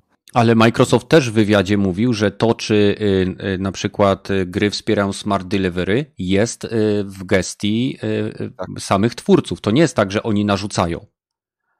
Mhm. Więc na przykład są gry, które mm, no może nie, że nie obsługują, ale jakby są, jeżeli twórca nie chce, to nie musi jakby wpisywać się w smart delivery, tak? I nie musi wcale no, no. sprzedawać gry na, y, wiesz, jeden raz, tylko może chcieć dwa razy sprzedać, nie? Tak jak... A tutaj też zauważcie, że w ogóle ten dodatek do Tsushima nie jest o, o, sprzedawany osobą, tylko jako część tego Director's Cut'a, więc to jest... Ech, takie no chamskie zagranie, nie? A, wiem co chciałem powiedzieć. Jestem przekonany, że Ghost of Tsushima w wersji PS5 prędzej czy później trafi do plusa, bo jest y, rozsądniejszym dla Sony za jakieś 2, 3 czy 4 miesiące, nawet za rok, dać gierkę, która wyszła ileś lat temu i została lekko odświeżona po minimalnych kosztach po to, żeby wyjść na PlayStation 5, niż żeby dawać na przykład tytuł, który jest nową grą, czy świeższą grą, która jest natywnie stworzona na PlayStation 5. To jest po prostu tani sposób, żeby zapełnić plusa według mnie. Myślę, że później, aniżeli wcześniej się to pojawi. Fajnie. No, zobaczymy. No bo do tej pory jedna gierka Sony, która trafiła do plusa, to było Destruction All Stars i to była średniej jakości produkcja, e, mówiąc delikatnie, więc. Um, no ale był zapychacz? Był. No był, ale wiesz, minęło już 8 miesięcy od premiery, a do tej pory tylko jedna gierka od nich trafiła do plusa. Ta, taka na nową generację, więc mhm. no, Trochę mało. No tak, ale w sumie Tsushima, tak jak mówię, to według mnie jedyna opcja, zresztą z tym się chyba z, jakby zgodziliśmy, która tam jest faktycznie next genowa, to jest wsparcie dla pada. Więc, no. więc to nie jest A akurat problem. jest to, że mówię, ludzie, ludzie to łykną, więc dadzą tak naprawdę e, Sony pokaz, że ich strategia jest słuszna i to, to jest najgorsze, że bardzo jednak dużo ludzi wciąż, bo wiadomo, że też dużo ludzi chciało zagrać Tsushima dopiero na PS5, więc poczekało ten rok, więc e, to im się cholera opłaci. To, to jest najgorsze, że to im się cholera zwróci. Mhm. Dobra, przechodzimy do ostatniego tematu, który mam nadzieję będzie pozytywnym aspektem jakby tego naszego ciągłego narzekania na Sony. Mowa oczywiście o plotkach dotyczących remake'u gry Dead Space. Jednego z lepszych space horrorów, jakie swego czasu można było doświadczyć na PlayStation 3. I ogólnie w zasadzie taki, to, to, to, nie, to jest gra z gatunku, e, który naprawdę trudno zrobić dobrze, bo e, najbliżej Dead Space'owi jest do obcego. Jak grałem w Dead Space, a nie wiem czy graliście wszyscy w jedynkę, to klimat, który tam jakby odczuwałem, jakby to poczucie zagrożenia, te nekromorfy, które się tam pojawiały, mi się kojarzyły z obcym. Jak wyglądają wasze wspomnienia z Dead Space'em? Jak, czy w ogóle mieliście z nim kontakt? Rogaty? Kiwaku? Ja nie miałem, ale z chęcią zagram w remake, o ile będzie to wierny remake. Mhm. Ponieważ są już pogłoski, że Studio Motive, czyli twórcy Star Wars Squadrons, e, mogą wprowadzić jakieś nowe elementy do gry i mnie osobiście to lekko niepokoi, e, ponieważ remake tak młodych gier jak Dead Space, no bo w mhm. końcu ta gierka jest chyba z 2008 czy z 2009 roku, ja nie jestem pewien, nie cytujcie mnie, ale mhm. chyba z 2008. Um, no takie młode gry z reguły się odtwarza wiernie, tak jak na przykład Demon Souls, e, tak jak na przykład, um, jaka jeszcze świeża, w sumie mało jest współczesnych tak naprawdę gier, które się remake'uje, ale na przykład Demon Souls zostało przeniesione no, praktycznie jeden do jeden. A, Shadow of the Colossus też. No, no właśnie, tak. to jest gierka chyba z 2005 i w niej też nie wprowadzono żadnych większych zmian, tylko takie kosmetyczne, e, jakieś tam małe quality of life żeby... Wow, znowu masz grę za 330 zł dla Sony. Jej! Um, w sensie to są jedne z najbardziej wybitnych gier, jakie kiedykolwiek powstały, więc ja akurat Shadow of the Colossus z chęcią kupię nawet e, remake remake'u na PS5. Po prostu kocham Jezus Maria, ale nie. To nie no sorry ale Gragi, ale to jest gra, która jest no, no spokojnie. No. Ja jestem, ja jeżeli oni, jeżeli dostalibyśmy next genowy remake Shadow of Colossus, to znowu bym go kupił. No, to jest Pierdole. To jest A nie wolałbyś Shadow of the Colossus 2 po prostu? Nie, w sensie ta gra się idealnie skończyła, więc No, dokładnie, nie, nie ma, potrzeba mi kontynuacji. nie ma żadnego sensu na sequel. A Fumito Ueda teraz robi jakiś inny projekt. Jakby zapełnili ten świat większą ilością zieleni, po no, prostu no. geometrią, żeby to było bardziej żywe, w sensie niekoniecznie e, flor, nie, niekoniecznie chodzi mi o faunę, ale mówię o florę taką, wiecie, bardziej, no, no, tak jak to, to, co zrobili z Demon Souls, tak? To z całą no. pewnością łyknąłbym tą grę jak pelikan rybę. Po prostu kocham Shadow of the Colossus. A wracając do Dead Space'a, to tak, tak. E, remake'i współczesnych gier się z reguły robi wiernie i mnie właśnie e, troszeczkę w sensie ja nie jestem fanem, więc nie powinienem się o to troszczyć, ale po prostu lekko mnie martwi, że próbują zmienić formułę gry, która miała tak pozytywne przyjęcie, bo osobiście wolałbym ją doświadczyć w oryginale, tylko że z lepszą oprawą, a oni podobno według plotek mają wprowadzić jakieś zmiany, które mają być, e, o ile dobrze pamiętam, wzorowane na serii Resident Evil, tych nowszych odsłonach, takich jak właśnie Resident Evil 2 Remake czy, e, czy Resident Evil 7, więc mimo, że nie jestem fanem i nie grałem nigdy w Dead Space'a, to lekko mnie to martwi. O, mhm. Tak to powiem. Okay, kto grał w Dead Space'a z naszej A. paczki? No to pytam się teraz, bo tak cicho wcześniej byłeś, jak tam u ciebie? Jak wspominasz swoje przygody z Dead Space'em? Co ci się podobało? Co zrobiło na tobie wrażenie? I jeżeli będzie remake, to, bo są plotki, że on ma być zrobiony podobnie, jak był robiony remake Residenta 2. Czyli wiadomo, w miarę wiernie, ale jednak spore zmiany y, dla fanów serii. Jak, jak ty to widzisz? Co pamiętasz? Co byś chciał? Czego oczekujesz?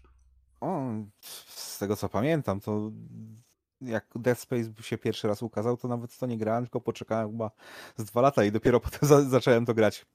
Nie pamiętam, czy najpierw grałem na Xie, ale na bank skończyłem to na PC-cie i sama postać główna i okej, okay, ten okultyzm i ten e, klimat kosmiczny, bo to sci-fi jest ostry, mm -hmm. taki dosyć dobry. Bardzo mi się podobał ten, ten świat zaprezentowany, że można było kolejką pomiędzy lokalizacjami się poruszać. Ten mm, potwory były w miarę oryginalne. No i to, że nie. Sposób nie ich zabijania, się... nie? Tak, tak, że się nie było Space Marines czy, czy e, z Colonial Marinesem, tylko po prostu inżynierem z, z, do cięć, który miał pistolet, który był właściwie służył do cięcia e, metalu mhm. i ciekawie działały pozostałe te, te, te wariacje tego jego pistoleta czy urządzeń do e, łatania kadłubu, czy tam cięcia metalu i czy, czy E, jeszcze coś tam było, miny albo coś w tym stylu. Interfejs był ten cieka też ciekawy, że mieliśmy health. HUD był cały czas na postaci, no, no, że nie no, było postaci, żadnego... No. Nawet jak się włączało menu, to się gra nie pauzowała, tylko się włączał hologram przed graczem. Tak, tak. To było super. wszystko fajnie, pięknie, dopóki patrzysz na mapę, a ktoś cię zaczyna napierdalać i no. się nie postrasz, to tam naprawdę bardzo dużo dobrych e, jumpscarów było, tak. ale też były takie mocno wyreżyserowane, więc to działało raz, ale bardzo skutecznie. Mhm. E, to, to, to jeżeli chodzi o to, co pamiętałem z tej gry, a to, co mają zrobić, jeżeli chodzi o remake, bo pomiędzy Residentem dwójką oryginałem, a remake'iem dwójką, e, ten co wyszedł chyba w 2016. Mhm. 19. Dziewię... Hmm. Kurwa, to, to trójka kiedy wyszła? Trójka wyszła w 2020, a Resident Evil Village wyszło w tym roku. Resident Evil wychodzi co roku. No, Jak FIFA. no właśnie, dobra, ja myślałem, że trochę dłużej. To i tak, tak był duży skok pomiędzy generacjami i tak duży skok pomiędzy rozgrywką i po tym jak się postacie poruszało, nie jest już, nie był to już ten tank movement i to taki bardzo mocno zmodernizowany shooter z trzeciej osoby z nadramienia, to no pamiętaj, że masz 20 lat różnicy, bo no, jednak no, no, no. Resident tutaj... Evil wyszedł w 99 Właśnie to, z tego co pamiętam. Czy... To, to Dead Space 1 było pierwszą taką moim zdaniem nowoczesną grą, którą się, która miała wszystkie te właśnie e, podstawy opanowane w już w taki nowoczesny sposób, że dwoma napadzie się dobrze steruje tym i używanie ataków i e, tych stąpania i te wszystkie klawiszologie, to tutaj się praktycznie nic nie zmieni, więc rozgrywka też się nie powinna za bardzo zmienić. Może mhm. będzie bardziej dynamiczna z, z tego powodu, że będzie to na nowej generacji, więc już trochę szybciej będzie ta gra działała, nie będzie trzeba czekać 30 sekund, aż się właduje następny level, czy czy jak się przejedzie, to tą kolejką, bo tam się kolejką jechało i to te właśnie ładowania były tam ukryte. E, I więc mm, no nie wiem, czy, czy no, pełny remaster mi się podobał, bo ja bym wolał e, już tak jakby, nawet jakby zwłaszcza rozbudowali tych, które te wątki, albo lokalizacja, albo przebudowali. Indiana! Bo ja już grałem w oryginała i nadal mogę w oryginała grać i nie interesuje mnie za bardzo kolejne granie w grę, zwłaszcza horrorowatą, jak już jumpscary są wszystkie e, dla mnie oklepane. No może nie oklepane. Teraz jakbym w to zagrał, to tak dawno w to nie grałem, że pewnie bym się zesrał znowu. Ale ja nie mam, nie mam problemu. Jakby mieli to zrobić na, na takim poziomie jak e, remake tych Residentów dwójki i trójki, to, to okej. Okay. Podoba mi się. Mhm. E, Gragi, a to co słyszeliście w tle to mój pies, który wybiegł na, na balkon, bo tam jest taki czarny kot, który lubi siedzieć na placu na wprost mojego psa. Teraz przyszedł tu do mnie, bo na niego nakrzyczałem po wyciszeniu mikrofonu i, i sprawdza, czy u mnie wszystko w porządku. Nie, Indiana, idź stąd teraz, nie będzie zabawy. E, e, Gragi, ty... No mówisz, że ją masz. Ty, ty grałeś w ogóle? E, nie. Nie grałeś. Okej, okay, ale a, kojarzysz. Ale mam w kolekcji. Masz w kolekcji, a y, generalnie y, jakby widziałeś, jak gra wyglądała kiedyś, tak? jakiś z miesiąc temu sobie zobaczyłem, bo mówię, no ja ogólnie nie siedzę w horrorach, mówię, no mhm. jednak mam za słabe nerwy, by grać w horrory, ale za to oglądam horrory właśnie wczoraj i dzisiaj sobie zacząłem maraton nowych filmów mniej więcej.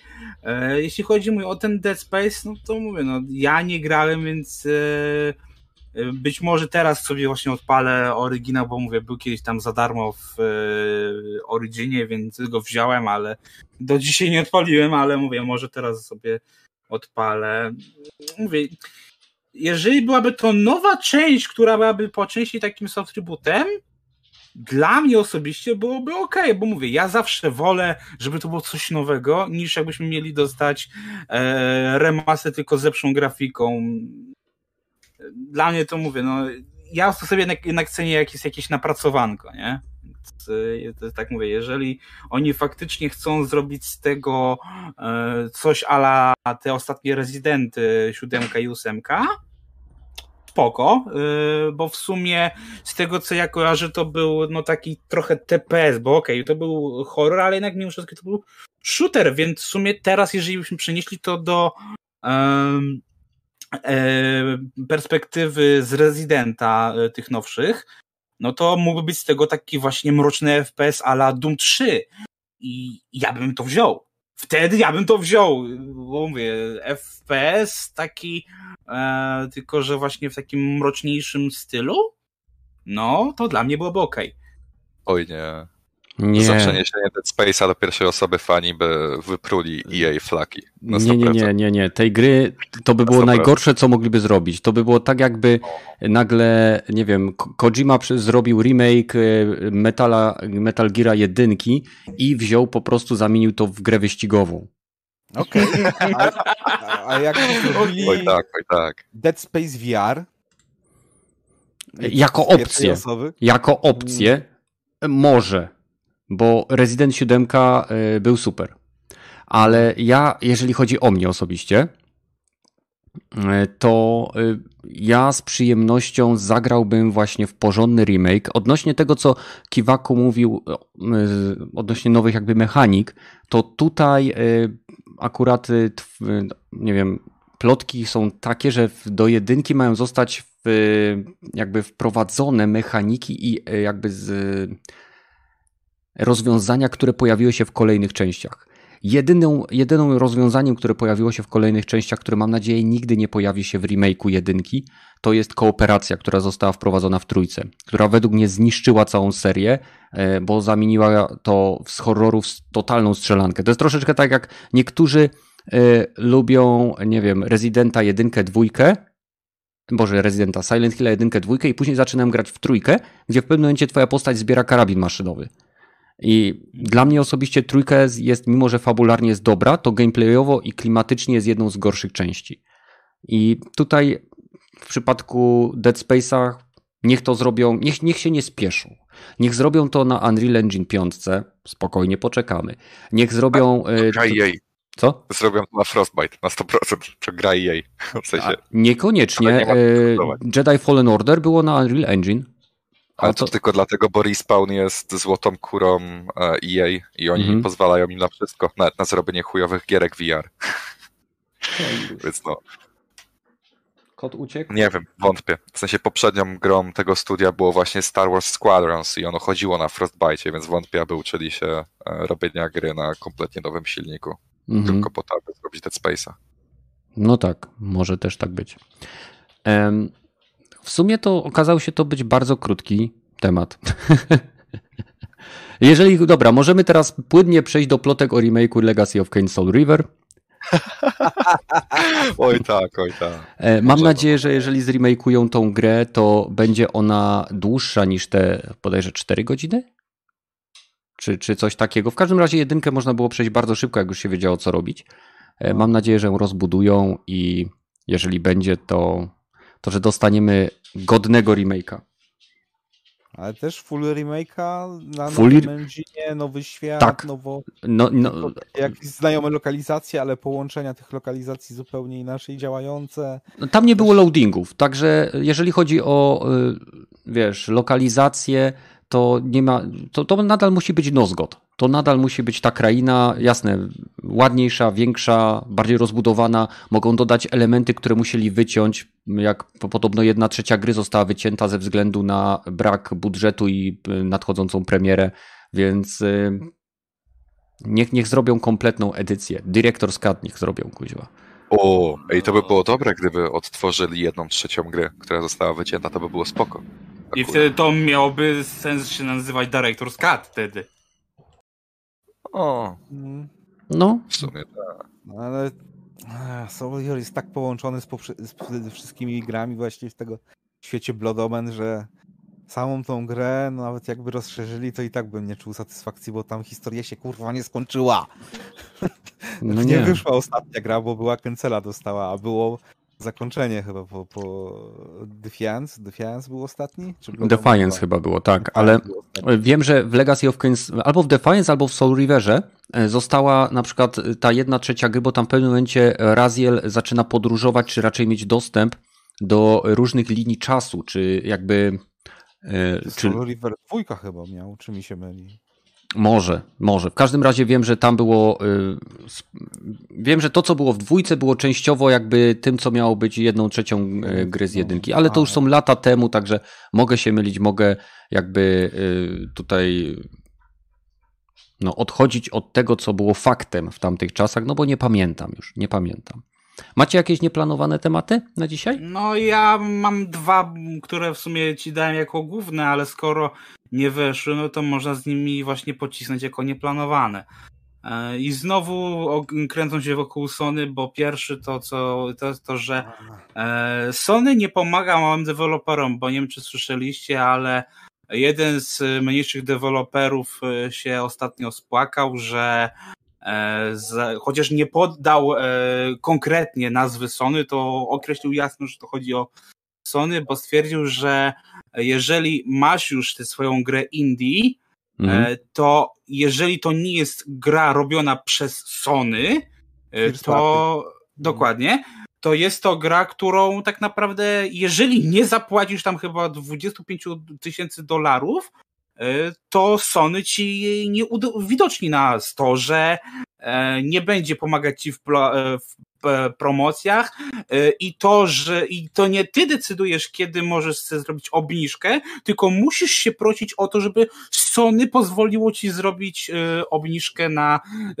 twój własny tytuł. No trochę Sony się, mówię, no jeżeli to jest prawda, bo mówię, więcej już nie przez to deweloperów, bo zaczęło się od jednego, ale już kilku innych się zaczęło e, e, tam doszukiwać i ogłaszać, że tak, to jest prawda, e, no to mówię, jeżeli faktycznie to jest prawda, no to faktycznie Sony robi bardzo, ale to bardzo zły e, ruch, tym bardziej, że faktycznie tymi e, indykami się niejako promuje, ma własną inicjatywę PlayStation Indies, e, więc mówię, nie wiem jak wasze zdanie, ale no dla mnie to jest kolejny strzał w stopę w tej chwili. No, Czy mogę? możesz, proszę. Okej. E, No to po pierwsze chciałbym powiedzieć tylko, że na początku zaznaczyłeś, że e, Sony nie dba o gry indie, jeśli nie są to ich gry, co nie do końca jest prawdą, bo Sony po prostu wybiera określone gry, które ich najbardziej interesują, które będą najbardziej promować. Takie tytuły jak na przykład Kena, która pojawiła się już na kilku State of Playach, takie tytuły jak Sifu, takie tytuły jak Solar Rush, takie tytuły jak Little Devil Inside. Po prostu są tytuły, które interesują ich najbardziej, na których skupiają się e, jak najbardziej, jeśli chodzi o promocję. Inne tytuły z kolei, co jest problemem, e, no niestety, tak jak na innych platformach, na przykład na platformie MS-u czy na Nintendo, muszą jednak zapłacić za tą reklamę. I efekty, mimo to, u Sony są najgorsze i to jest ten problem, że nawet jeśli zapłacisz, no to nie jesteś jakoś mega widoczny, a jeśli nie zapłacisz, no to jesteś najbardziej spośród wszystkich sklepów zakopywany pod innymi treściami. I to jest ten największy problem, że po prostu filtrowanie treści w PS Store jest takie, że jeśli jesteś małą randomową gierką, o której nikt nie słyszał, e, Mhm. no to masz naprawdę minimalne szanse o to, aby ktoś jakkolwiek do ciebie dotarł. No W tak, porównaniu do takiego Steama, w porównaniu do takiego Microsoft Store i tak dalej, i tak dalej. Po prostu Sony- No ale kasę i tak trzeba za to wpłacić, nie? To jest... na każdej platformie musisz płacić pieniądze za reklamę na Za głównych pozycjonowanie. panelach Store'a. Za pozycjonowanie się wszędzie płaci. Nawet na YouTubie musisz No płacić. oczywiście, że się płaci, tylko że jednak na to jednak ma jakiś będzie. wymierny skutek, tak? Że faktycznie e, w tych przez tam, nie wiem, powiedzmy dwa dni czy trzy dni widać cię, nie? A no na Sony faktycznie no, z tym może być średnio. Ja mówię, nie wiem, bo aż tak bardzo w Indii nie siedzę, ale mówię, no jeżeli to jest prawda, Znaczy powiem ci tak. E, Wydaje mi się, że w przypadku Sony sprawa będzie o tyle trudna w odniesieniu do takich platform jak Steam, bo platformy Steam mają wypracowane od wielu, wielu lat systemy, które jakby przerzucają na deweloperów sporą część zarządzania jakby zawartością ich biblioteki, którą oni mają u siebie.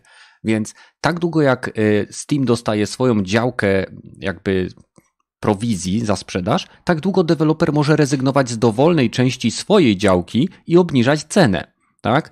E, W przypadku Sony może być tak, że w chwili obecnej nie mają jeszcze infrastruktury i systemów, które pozwalałyby deweloperom zarządzać, i to wszystko musi być puszczane przez system akredytacji, a tylko ci najwięksi i najbardziej znani, że tak powiem, zaufani od wielu lat, dostają dostęp do własnych systemów, tak jak na przykład e, swego czasu twórcy ym, EVE Online stworzyli gierkę Dust 514.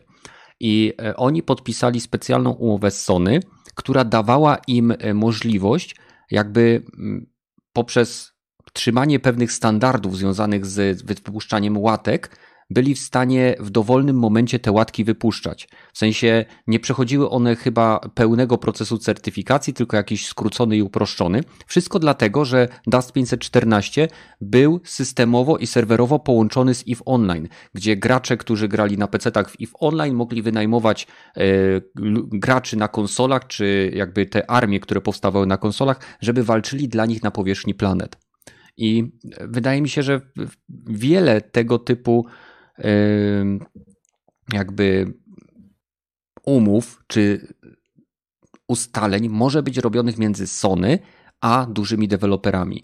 Aczkolwiek taki malutki deweloper, no prawdopodobnie musi przeskoczyć przez więcej e, przeszkód i różnych, e, wiecie, kłód, które są mu rzucane pod nogi, e, niż, niż na platformie takiej jak Steam, nawet na platformie takiej jak Xbox Game Pass, gdzie prawdopodobnie Game Pass. Mówię oczywiście e, ID at Xbox, gdzie Microsoft prawdopodobnie jako firma software'owa ma stworzony jakiś pełen backend e, do zarządzania, komunikowania się z tymi wszystkimi e, ludźmi. Nie? Uważam, że łatwiejszym problemem do naprawienia byłoby zdecydowanie to, że Sony nie pozwala twórcom indie robić przecen swoich gier, kiedy zechcą. Tylko, że muszą czekać na specjalną okazję, kiedy Mhm. będzie tematyczna wyprzedaż na PlayStation Store i wtedy dostają zaproszenie do obniżenia swojej ceny swojej gry. To jest to jest- chore. To jest akurat chore, nie? To jest tego e, się- podejście, tego powiedziałbym, e, przestarzałe. No, tego się nie da Bo obronić. później, zaraz, jak bo- jest ta promocja, to na przykład ktoś mógłby zrobić promocję teraz, nie wiem, na jakąś indie gierkę w momencie, kiedy nie ma innych promocji i wtedy ma szansę ją sprzedać. A kiedy No. Sony wrzuca to wszystko do e, wielkiego wora, jak na przykład japońskie gry, albo popularne w Japonii, albo e, nie wiem, co tam mamy, weekendowa promocja. Drożne na przykład teraz. No, na przykład. to w tym momencie znowu jest to wszystko w tym jednym worze i ten biedny deweloper, jeżeli chce być wyżej, e, to prawdopodobnie musi zapłacić. No, No. masakra. I Przy czym według mnie najgorsze- ciekaw, e, też czy jeżeli mamy taką sytuację, to czy twórca, deweloper może e, ustalić sobie właśnie na przykład wysokość tej e, zniżki, czy też e, to Sony ustala, bo na przykład teraz mamy... Nie, nie, nie. No. Zniżkę możesz już sobie ustalić, ale kiedy ona się odbędzie? To jest problem po prostu. Nie, bo już myślałem, że wiesz, na przykład Nie, aż dobra tak nie. możecie, ale 10% na początek, a za pół roku może damy wam 20%. Ale pam- Ojej. musimy, musimy pamiętać, że zazwyczaj, w dziewię- według mnie w 9 na 10 przypadkach, jeżeli mamy jakąkolwiek promocję, to deweloper rezygnuje z części swoich pieniędzy, a nie Sony z części swoich. No właśnie. Bo to deweloper, jak, jak gra kosztuje 120 zł i załóżmy 20 zł z tego idzie do Sony, a deweloper, to jest absurd, ale dostaje całą setkę, to prawdopodobnie jest tak, że jeżeli mamy obniżkę o 50% i gra kosztuje 60, to Sony nadal dostaje 20. No, That's pomijmy już fakt, że Sony bierze 30%, a nie No, niższy procent, który ty podałeś. no wymyślałem, żeby mi było łatwo liczyć, bo jestem kiepski z liczenia. No, nie, o 22 liczenie jest samobójstwem. O, po 22 się nie liczy. Nawet Einstein. To jest potwierdzona informacja. Um, myślę, że najgorzej e, boli to deweloperów, którzy chcą zrobić, e, chcą zrobić przecenę na premierę gry. Tak jak jest w przypadku na przykład wielu gier na Switcha, że gra wychodzi Mhm. i tam w przeciągu kilku dni od premiery jest e, na przecenie 20%, przez co możesz w okolicach premiery ogarnąć grę taniej. No w takiej sytuacji niestety, ale jeśli gra jest dostępna na właśnie Switchu, e, PC-cie i PlayStation, no to gracze grając na PlayStation są zmuszeni zapłacić najwięcej, bo jeśli się nie złożyła, że akurat o, jest e, przecena na tego typu produkcję, e, no to Sony nie, nie pozwoli tym deweloperom obniżyć ceny na swojej konsoli, więc no, gracze muszą po prostu zapłacić więcej, ponieważ Sony ma takie widzimisię. Mhm. No, z całą pewnością w obecnej sytuacji Sony jest najmniej opłacalną konsolą dla potencjalnego gracza i o ile nie jest się osobą nastawioną na te tytuły singleplayerowe, które Sony wypluwa ze swojej stajni, bo bądźmy szczerzy, Sony nie ma żadnego multiplayerowego tytułu na miarę, nie wiem, Halo Infinite, czy No Halo nie. Multiplayer, ani żadnego tytułu sieciowego. Tak naprawdę mogliby spróbować Ghost of Ej. Tsushima Legends y, rozwiać do tego poziomu. Słucham? Gran Turismo proszę mi tutaj nie obrażać, ono sobie dobrze radzi. Mówię o ogólnie przyjętym i bardzo popularnym. To, że sobie dobrze radzi, to nie znaczy, że wiesz, jest gra. To tak jakbym powiedział, że jak masz y, na, na PC masz Elite Dangerous, tak? I tam y, jakby średnia populacja graczy to jest kilkadziesiąt tysięcy. To No. nie znaczy, że to jest najlepszy Space Sim na, y, na nie wiem, na, na Steamie. Tak, bo są gry, które są Space Simami, jak X, nie wiem, 4, które są grą singleplayerową, które prawdopodobnie również są bardzo popularne. Chodzi mi o to, że Sony jako platforma nie ma żadnej swojej gierki multiplayerowej, która by e, jakby uderzała w, w szerokie grono odbiorców. Jeżeli tego nie zmienią, to nie można wiecznie jechać na singleplayerówkach, bo ja teraz skończyłem e, Ratcheta, tak?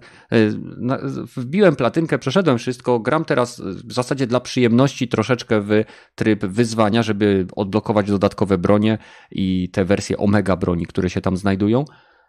I tyle. Jak ja skończę tą grę, to może wrócę do niej za 3 lata, może za 4 lata, a może nigdy. I Sony. Mm, tu jakaś mucha we mnie za, zaatakowała mnie. E, I, I Sony tak naprawdę sprzedało mi tą grę raz i już na niej nie zarobi. Chyba, że zrobi Director's Cut Ratcheta. Hmm, Ratchety chyba jeszcze nigdy nie dostały dodatków. No nie. No właśnie. No. Ale zawsze można zrobić, nie? No, No, nie no, wykluczajmy niemożliwego. hmm. Albo będzie, skoro mamy ten, y, nowe postacie, y, chociaż nie, no, no to ten, ale może do, dostaniemy specjalny moduł kooperacji? Sony jest teraz raczej takie cwane, skubane, żeby... To by miało wydusić, sens, nie? y, bo mamy Rivet i Ratcheta, aczkolwiek nie widzę y, fabularnego uzasadnienia.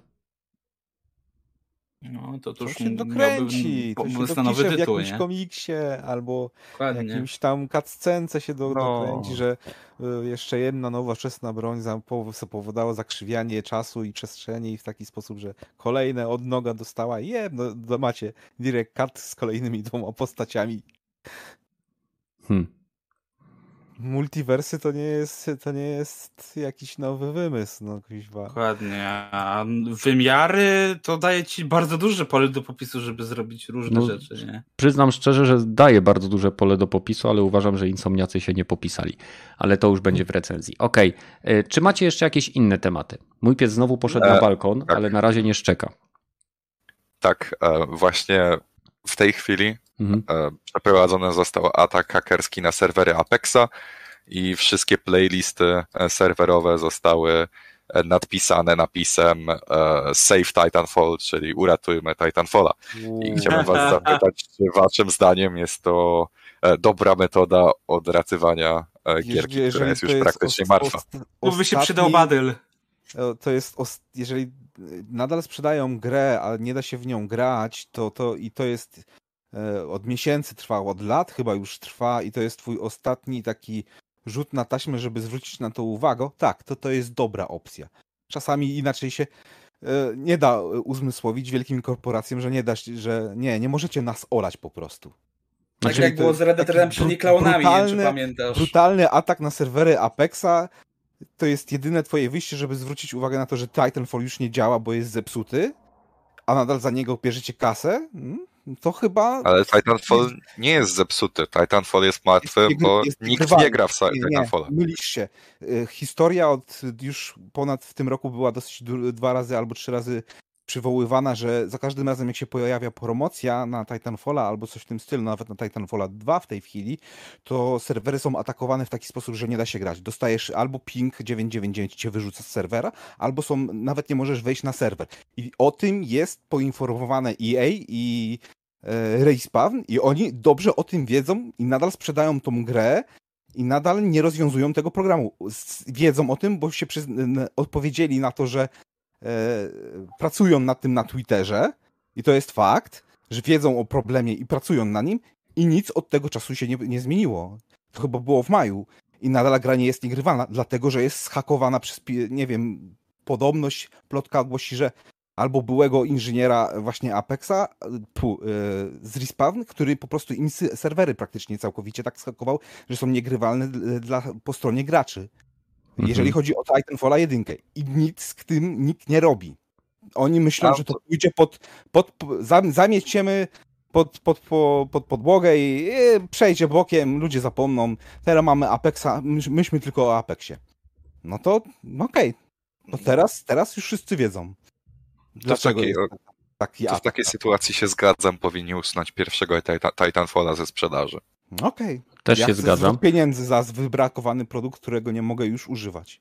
Mimo, że nic nie, nie ja go nie zepsułem. To się akurat, y, słuchaj, zgodzę się z tym, że mogą z tego wyjść następujące dobre rzeczy. Przede wszystkim y, poprawią zabezpieczenie swoich serwerów. E, e, I cóż, no, mam nadzieję, że wezmą na poważnie, no bo te, te, tego typu problemy, zwłaszcza jeżeli tak jak Rogaty o tym mówi, bo też o tym czytałem. News z ostatniej chwili e, Malibu pisze mi, że już można grać normalnie, więc atak e, się skończył. Hmm. No i proszę bardzo. Mamy e, naszego człowieka wśród Anonymous, właśnie nam przesłał informację, że, że już przestał atakować ten jeden serwer Titana. Titanfalla 1. Po prostu dziękujemy Malibu za trzymanie ręki na pulsie. Tak Najświeższe jest. newsy. Zawsze u nas, zawsze u nas na Discordzie. Na żywo. Na żywo w dziale newsy zapraszamy. No dobra, coś ciekawego jeszcze macie, aż sobie też zobaczę no na ja moje źródełka. E, to, co ci też podałem, e, jaka była afera z Kodzią i Microsoftem, bo nie wiem, czy słyszałeś. No ale. A to jest jakaś afera? Tak, tak jest, bo Kojima dogadał się wstępnie z Microsoftem, że. Podpisał list dla... intencyjny. Tak, List intencyjny, że... że... kiedyś prawdopodobnie powstanie gra.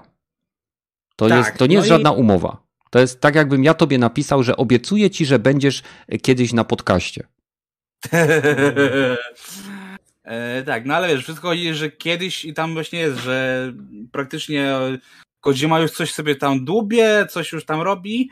E, I afera jest taka, że kilku fanów e, Sony się spłakało i zrobiło petycję, że Kojima, cytuję, Kojima zdradza swoich wiernych fanów, został zaślepiony przez chciwość, musimy mu pomóc wrócić na zwycięską stronę. I takie, ja pierdolę, przy czym Kojima tutaj jest akurat najmniej winny, bo to Sony się na niego wypięło, a nie Kojima, także e, jestem ciekaw, co, co wy o tym myślicie, o tej aferce i o tej petycji. Jak chcecie, to wam podeślę link do już y, oryginalnej petycji, ale e, na po, e, pomysł na dropping całego newsa wam wrzuciłem. Mhm, no wiem, czytałem troszeczkę. E, ja mogę powiedzieć tyle. Jeżeli ktoś ma ból dupy, że niezależne studio, które wydało grę na jedną platformę i PC-ta, szuka innego wydawcy i idzie za pieniędzmi, to, to, to niech sobie kupi maść na ból dupy i się odczepi, bo twórca, który nie jest studiem first party, może sobie tworzyć grę i wdawać ją na taką platformę, jaką chce. Kojima nie jest własnością Sony, nie jest też własnością fanów Sony i jeżeli do, ktokolwiek mógłby się upominać o dziedzictwo Kojimy, to powinno się zgłosić Nintendo, które miało, a raczej MSX, tak? Na którego wyszedł pierwszy Metal Gear Solid. Więc ludzie, którzy mają z tego powodu jakiś problem, to mają bardziej problem ze sobą niż, niż z czymkolwiek innym, bo są ślepo zapatrzeni jakby w to, że nie wiem, że boją się, że jakaś gra wyjdzie na platformę inną niż Sony, odkodzimy i będzie dobra. To jest po prostu jakiś A powiedz ci, ile debilizm obecnie wtórny. podpisało tą petycję? No powiedz. E, na razie, na razie podpisało to, na tę chwilę, w tym momencie podpisanych jest 651 głosów. No to... A wymagany jest mało. 1000 minimum. Mało. Przy czym e, bardzo mało, nie? I teraz Pytanie do Was, czy lepiej zrobić ten atak hakerski, jaki teraz był na Apexie, czy zrobić kolejną nic niewartą petycję, którą nikt pewnie nie przeczyta poza Waszymi rodzinami? Ale dlaczego ktoś miałby atak hakerski na co? Na Apexa. Właśnie, bo wcześniej się, wcześniej się przyjęzyczyłem. Powiedziałem, e, że schakowano serwery Titanfalla. Chodziło mi o Apexa, więc tak. E, zrozumieliśmy. Zrozumieliśmy, no, no, że o to dzięki, chodzi. Dzięki, dzięki, mordeczki. E, nie wiem, według mnie to tylko pokazuje, że większość graczy jest normalna. A ten, ten fantastyczny człowiek, który pomyślał, że napisanie jakiejś petycji i zebranie 651 debili, którzy y, powiedzieli, że tak, że płaczemy teraz i nie będę spał w nocy, będę szlochał do poduszki, bo Kojima tworzy dla Microsoftu. O mój Boże. No, to tak jakby teraz twoi fani zrobili petycję, dlaczego w, te, w zeszłym tygodniu nagrywałeś z puszki, a nie masz nagrywać tylko na żywo, że nie pracuj, rób na żywo tylko podcasty, nie? Słuchaj, no, yes. to, jest, to jest troszeczkę tak, jak, jak, y, jak mówisz, no myślę, że, że to pokazuje, że jednak y, jednostki są, są momentami e, ortodoksyjne i dziwne, a jednak gro graczy patrzy na to tak z boku i się podeśmiewa e, i ja nie widzę problemu. Ja bym raczej mówił, że większość graczy, okej, okay, nie podoba mi się to, ale i tak nie mam na to żadnego wpływu, pożyjemy, zobaczymy jak to się skończy, bo zazwyczaj przeskakiwanie pomiędzy statkami przez wielkich deweloperów się kończyło źle że Cliffy B się mi zawsze przypomina, jak przeskoczył właśnie z, z PC-ta na X-a, a potem chciał przeskoczyć na, z X-a na, znowu na PC-ta albo na PlayStation. Właściwie na PlayStation chciał tą swoją gierkę próbować jak najbardziej. To niestety nie wyszło. Peter Molyneux jak, jak przeskakiwał też e, z X-a i potem najpierw właściwie niezależny, potem EA, potem e, Microsoft i potem znowu chciał być niezależnym, to też jego pomysły nie za bardzo ten, udawały się. Ale wiesz zobaczymy, co? Czy, czy nawet jak przeskoczy Kojima e, na kolejny statek, czy, czy jego pomysł się e, przyjmie, cokolwiek by miał zrobić w przyszłości. Hmm. Mi się wydaje, że tutaj e, to jest też na takiej zasadzie, że kiepskiej gry nie uratuje żaden statek. Jeżeli, o, że tak powiem, za... uratuje. Je... Nieprawda. No, to po prostu nikt nie będzie grał w tą grę na Game Passie, albo ściągnie i wydaje, wydaje taką ocenę, że nikt tego nie będzie po prostu ruszał. Więc to, to, że coś jest w Game Passie nie znaczy, że automatycznie jest dobrą grą. Game Pass ma bardzo dużo tytułów i nie wszystkie są warte waszego czasu, ale bardzo dobrze, że w nim są, bo nic nie kosztują, bo są w abonamencie, więc nic nie kosztuje A was. i tak zarabiają przez to, że, bo to jednak wiesz, ty tak. dostajesz jako deweloper kasę za to, że twoja gra się pojawi w Game Passie. No oczywiście. E, ale Moje pytanie jest takie. E, załóżmy, że faktycznie Kojima zrobi teraz grę dla e, Xa, nie będzie Death Stranding 2, albo będzie Death Stranding właśnie na Xie 300. Wtedy zagracie ten, czy was to jakoś personalnie boli, że Kojima dogada się z Xboxem? Nie. Mnie to w ogóle nie boli. Jeżeli Kojima wyda fantastyczną grę na Xboxa, to po prostu będę y, zbierał sobie, żeby kupić sobie Xboxa i zagrać w ten tytuł. Tak jak e, w momencie, kiedy Microsoft zacznie wydawać e, te wszystkie swoje gry First Party i będę wiedział, że na moim PC to nie pójdzie, bo prawdopodobnie nadal nie będę miał wystarczająco silnego PC, to kupię sobie Xboxa z Game Passem. To, to nie jest świat, gdzie jesteśmy zamknięci w jakiejś komórce pełnej węgla i pad, oglądamy świat przez okienko i co będzie ktoś nam przynosi miskę z żarciem. Jest otwarty rynek, każdy może wydać gry na dowolne platformy, podpisuje się umowy. Microsoft i Sony kupują studia, w które wierzą, że stworzą dla nich tytuły, które przyciągną ludzi do ich platformy i umowy są podpisywane, umowy są y, też często niedotrzymywane. Chciałbym tylko przypomnieć umowę między Sony a y, nie to nie było ArenaNet, tylko ci od Lineage. Jak to oni się tam nazywają? O matko. O cholera, czekajcie, Netix? zaraz sprawdzę. Nie, nie, Tyx. Czekaj, czekaj. Lineage 2. NCSoft. A, Tak jest. NCSoft, No. E, Chciałbym przypomnieć, że w czasach PlayStation trójki Sony podpisało umowę z NCSoftem. Na mocy tej umowy e, gry MMO wydawane przez NCSoft miały się pojawić tylko na platformach Sony jako porty. Od czasu, kiedy ta umowa została podpisana, ani jedna gra NCSoftu nie została sportowana na konsolę Sony. I No, tyle. To jest, to jest Dlaczego? no, to jest przykład umowy, która została podpisana z dobrą intencją, tak? Bo to był prawdopodobnie, nie, nie, nie, nie pamiętam teraz, ale to była jakaś, to było porozumienie czy list intencyjny. Na takiej samej zasadzie jak Sony i Microsoft podpisali in, listy intencyjne odnośnie e, wzajemnego korzystania ze swoich platform e, streamingowych, tak? Sony z Azure, Microsoft z czegoś tam u Sony, cholera wie, nie wiem co Sony jest w stanie zaoferować Microsoftowi, czego Microsoft nie ma po stronie sieciowej. Więc, Może dać im więcej pieniędzy. A, to na pewno, tylko po co? No, pieniędzy nigdy za dużo. No może masz rację. W każdym razie są umowy podpisywane i to nie znaczy, że z tej umowy coś wyniknie. A jeżeli wyniknie, to przecież jeszcze lepiej dla nas graczy. Większa różnorodność, tak? Kojima, jeżeli pójdzie do Microsoftu, to Microsoft znając nazwisko Kojimy i jego renomę wśród graczy, prawdopodobnie obsypie go taką ilością kasy, że Kojima będzie mógł stworzyć absolutnie wszystko, co by tylko chciał. I stworzy To Vibribon dwójkę. To pozwolisz, że jeszcze tutaj nawiążę płynnie. Powiedziałeś przed chwilą, że e, wszystkie takie umowy to jest z korzyścią dla graczy, tak?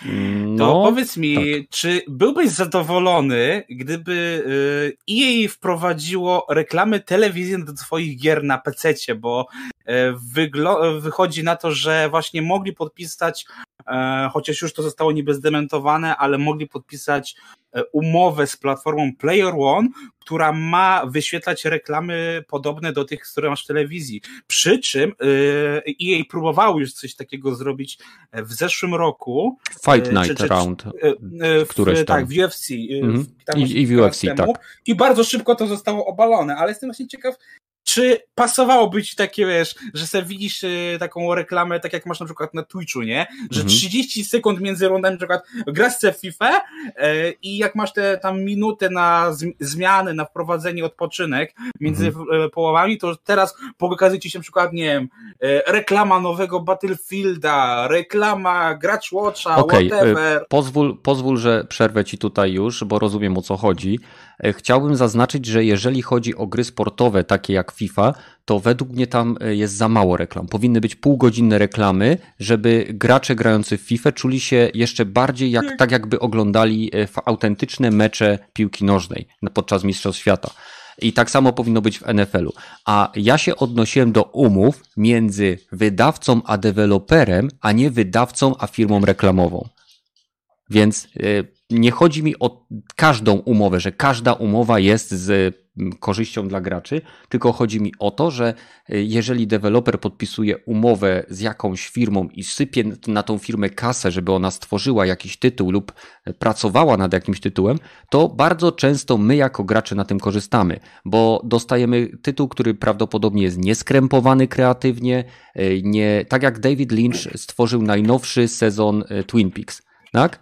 Y, Bazowało to na jego renomie, na legendarnej wręcz popularności Twin Peaks i stworzył coś, co mam wrażenie, że ci goście, co sypnęli na niego kasą, to tak patrzyli na to i Boże, co myśmy zrobili? Ale to też serial powstawał w bólach, ale jeżeli chodzi o gry, to e, niby takie samo miało być wspaniałe połączenie Bu- Bungie z Activision, a wyszło z tego kupa niesamowita. Więc te, te umowy wcale nie były z korzyścią raczej dla graczy. No. Były umowy raczej z korzyścią dla miały być z korzyścią dla deweloperów, a produkt miał być dobry dla graczy, ale dla mnie nie wyszedł dobry produkt. To było jed... Destiny 1 2 to były jedne z najgorszych gier, moim zdaniem, od Bungie. Mhm. Ja trochę, trochę, chyba grałem we wszystkie. No tak, ja mówię, wiesz, ja też nie chcę Może... tak generalizować, no, bo Gragi ale... tu troszkę zgeneralizował moją wypowiedź. Ja mówię, że generalnie mamy szansę otrzymać coś nowego, coś więcej. A to, że tak. w momencie, kiedy Bungie poszło do łóżka z Activision, to jeszcze zanim oni y, weszli do tego łóżka i ściągnęli skarpety, to my już wszyscy wiedzieli, wiedzieliśmy, kto kogo będzie ruchał. No, tylko, że na przykład przy, w przypadku w przypadku Kojimy, jeżeli nawet rzeczywiście się stanie prawdą to, że będzie pracować teraz dla Microsoftu, to ja też nie za bardzo widzę korzyści, może dla mnie jako dla gracza, który lubi nowe gry i który nie za bardzo lubi Kojimę, delikatnie to ujmując, mhm. E, bo uważam, że jego gry są mocno przereklamowane. No to wtedy wyda średnią grę, no i trafi do Game Passa i to jest jedyny powód, którą nie będę w nią grał, ale na pewno już się nie kupię. No, no nie ale wiem, to jest Nie wiem, jaka to by miała być dla mnie. Nie, nie, nie widzę tutaj żadnej ko korzyści. No nie będziesz to... musiał jej kupić. Dobra, ale mm, nie będę musiał jej kupić. Za to same pieniądze co by na Kojimie Microsoft wydał, z pewnością mógłby znaleźć coś lepszego. Tak bym chciał to stwierdzić, bo jest dużo więcej ciekawych gier, czy to na Steamie, czy to na itch.io, czy to na innych platformach takich do odkrywania, gdzie na każdego Kojimę przypada 9-10 indyków, którzy moim zdaniem robią ciekawsze rzeczy niż on w tej chwili. No. Fakt faktem, że na poziomie e, indie, ale wolę właśnie, żeby Microsoft inwestował w ciekawsze rzeczy niż ok, mamy Kojimę, czyli będziemy mieli świrowatą grę z otwartym światem.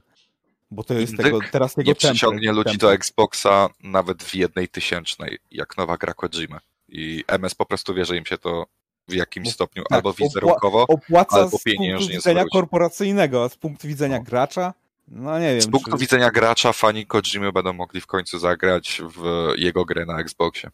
Dokładnie. Wizerunkowo tak, tylko że na przykład Death Stranding nie było jakimś wielkim hitem tak naprawdę ostatecznie. I mi się wydaje, że dlatego Sony nie chce już e, mu pozwolić na samowolkę, zrób horror jaki chcesz, tylko to coś im opłaci, bo zauważyli, że jednak jak dali mu zrobić Death Stranding jakie chciał, mhm. e, no to ten odbiór był jednak, może nie był tragiczny, ale na pewno nie był taki, jak właśnie było to rozmuchiwane, że no. wow, przełom, wow, w ogóle coś no, ale Sony super, tak mamy ma, system że... seller, nie? No, no, no, Sony tak ma, że jeżeli nie mają pełnej własności nad tytułem, to na, na premierę ok, reklamujemy, a potem nara, jesteście na własnym lodzie. No, stary, minął, teraz już właściwie też można było o tym wspomnieć, ale Returnal minął miesiąc od premiery, czy coś koło tego.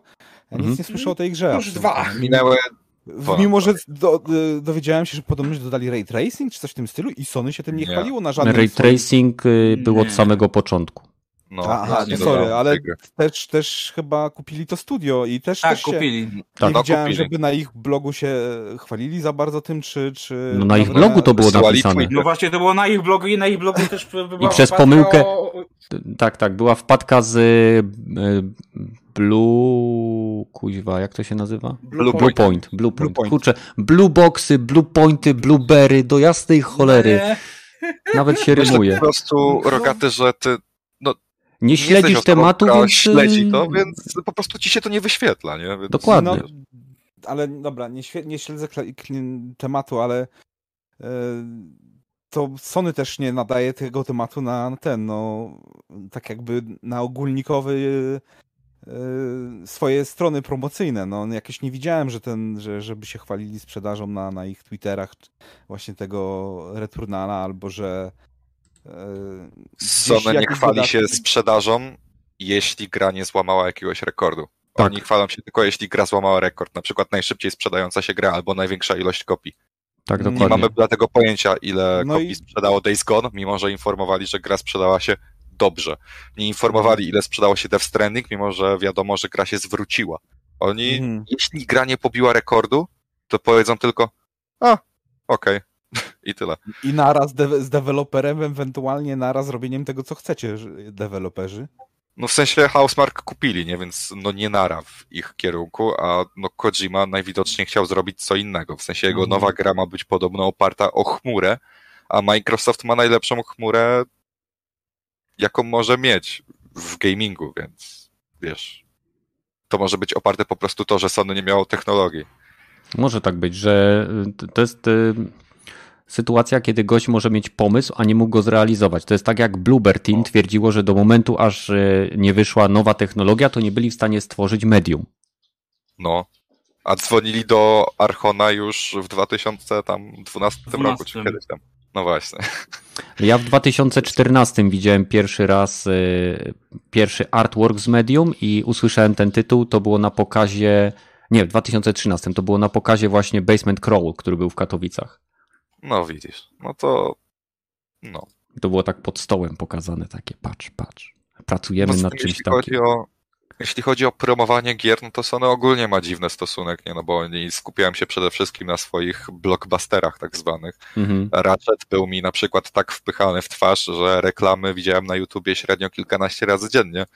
A No i teraz takie, jest najchętniej kupowaną grą na PS Store w czerwcu, bo właśnie też... O, właśnie. y, Mhm. a takie, nie wiem, mniejsze projekty jak Concrete Genie, albo Matterfall, albo Dreams i tak dalej, tak Dreams. dalej, no, one miały o wiele mniejsze kampanie marketingowe. One no, mają po kampanie spore- dostał jakiś dodatek, zarobi. coś ostatnio mi się wrzuciło w oczy, O. że Dreams coś dostało. One mają A właśnie spore Dreams, kampanie w social mediach. Teraz jest specjalny O. event, gdzie twórcy mogą wspólnie tworzyć dalej grę, która jest stworzona tylko w Dreams i tworząc, tworzyć i dodawać do nich kolejne poziomy.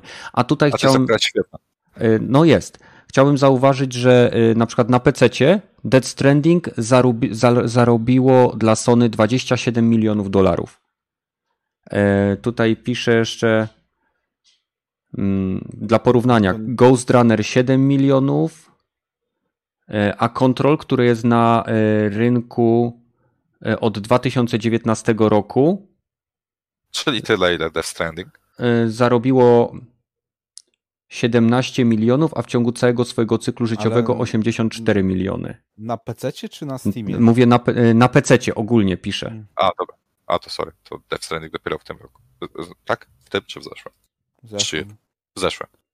Do grudnia, 31 grudnia 2020. Czytaj, gra zarobiła. Gra Coś zarobiła, no i zarobiła i na PC i zarobiła na, na konsoli, także tutaj nie wydaje mi się, żeby kwestią była e, jakby sprzedaż, tylko być może Kojima poczuł się zbyt pewnie i po prostu stwierdził, że ma taki pomysł, że oni musieliby na przykład w tą chmurę za mocno zainwestować, a Sony nie jest na to gotowe, więc poszedł tam sobie poszperać troszeczkę w Microsoftie. Microsoft powiedział, jasne, stary, co chcesz. No, mają hajs, więc mogą mu dać dosłownie wszystko, co chce. Hmm. Sony się tak trochę rękoma i nogami broni z tymi nowymi IP, które mają być wydaje. Mm, Tak mi się wydaje, bo jakoś nie widziałem, żeby nowego triple A za, zapowiedzieli od dużych studiów swoich. W sensie Sony czy Microsoft? Sony. No Returnal było nowym. To IP. nie był no, no, nowy triple A, to ja bym tego nie nazwał i wtedy jeszcze nie było. No ale to, to jest AAA. To jest pierwszy roguelike, który jest AAA-em. Mm, No tak, no W sensie, jeśli chodzi o promocję, to jestem w stanie potwierdzić, bo Returnal też mi się wyświetlał w reklamach na YouTubie w pizdę razy, więc to akurat jestem w stanie potwierdzić, No. że zapłacili trochę za promowanie tej gry, przynajmniej e, pośród osób, które no oglądają trailery PlayStation na kanale i tak dalej, i tak dalej. Więc no mi się zdecydowanie wyświetlała ta gra więcej razy niż nawet bym chciał. Mhm. Bo nie lubię mi teraz się ostatnio wyświetla Cyberpunk na PS Store, dostaje reklamy na YouTube. A, No widzisz, Wow, ja ostatnio mam oczywiście- strasznie często reklamy Dying Lighta 2 na przykład. No to ja miałem Więc tylko wiem, raz że. Teklan też zabulił trochę za reklamę. No ale z Cyberem to mnie rozwaliła ta reklama, nie? Mimo wszystko. A skoro już o Cyberku e, coś powiedziałeś, to mnie jedna rzecz rozwaliła ostatnio. E, W sensie e, Twitter Cyberpunka podawał jakąś tam statystykę, już nawet nie pamiętam jaką, ale na koniec tweeta napisali, i najgroźniejszych E, a- dzielnic. tak, tak, tak, tak, że najgroźniejsza dzielnica, nie? I że w tej dzielnicy 54 osoby dziennie umierają, bla, bla, bla, bla, bla. Nie zapomnij kupić platynową kartę Trauma Team, wtedy będziesz bezpieczniejszy i strasznie mnie irytuje sposób, w jaki oni re- reklamują tą grę, Mhm. bo marketingują ją elementami, której, których nie ma w grze albo które nie działają. bo na przykład taki Trauma Team, e, nie można kupić karty, e, która cię ubezpieczy u Trauma Team, że na przykład jak umrzesz, to oni podlecą i cię ożywią. Nie ma czegoś takiego, a oni Ładnie, tak Bo reklamują tymi to historiami NPC-ów. Takie what the Tak. fuck. Tak. E, a nie- Szczerze, przecież Trauma Team w tej grze jest dosłownie, nie wiem, w jednej czy w dwóch misjach przynajmniej słyszałem. Ja nie skończyłem Cyberka, tylko grałem z dwie godziny u kuzyna, więc się nie wypowiem. A widziałem tą pierwszą misję, w której jest Trauma Team. No to w dwóch misjach, Mm. a później podobno można go zobaczyć e, tylko w otwartym świecie, jak sobie stoi przy tych Tak. e, maszynach, To- w których oni latają. Ta gra od Więc, Sony, w e, której ale reklamowali całą grę i jedna postać jednak była, w ogóle się nią nie grało, to musiała cię zdenerwować tym fake marketingiem. Graliśmy jako Joel na samym początku przez chwilę, więc tutaj cię rozwalę akurat. Ale sprzedali ci, że będziesz grał całą grę tym postacią. Nie, nic takiego nie ale mówili. Nie dało się gry osoba, grać. która ukończyła Było The Last of Us minutach 1 już, przez, już ja po skończeniu The Last of Us 1 pierwsze co pomyślałem, okej, e, to się dobrze dla Joela nie skończy. To była pierwsza myśl, jaką miałem po skończeniu The Last of Us 1 i więcej True, nie true, powiem. ale dobrze, że so, Sony specjalnie, sorry, Naughty Dog specjalnie stworzyło trailery pokazujące zupełnie inne postacie w innych częściach gry. Marvel robi dokładnie to samo przy okazji swoich Co nie, nie usprawiedliwia ich? aby nie Absolutnie. To spoilerów. przypominam, że to ich absolutnie nie usprawiedliwia i nie zmienia postaci Ale rzeczy. y, y, Rogaty, nie wiem dlaczego ty masz ból dupy z tego powodu, któro, skoro cały świat teraz żyje przeciekami i, wy, y, i udostępnianiem informacji, które później psują ludzi dostęp do fabuły.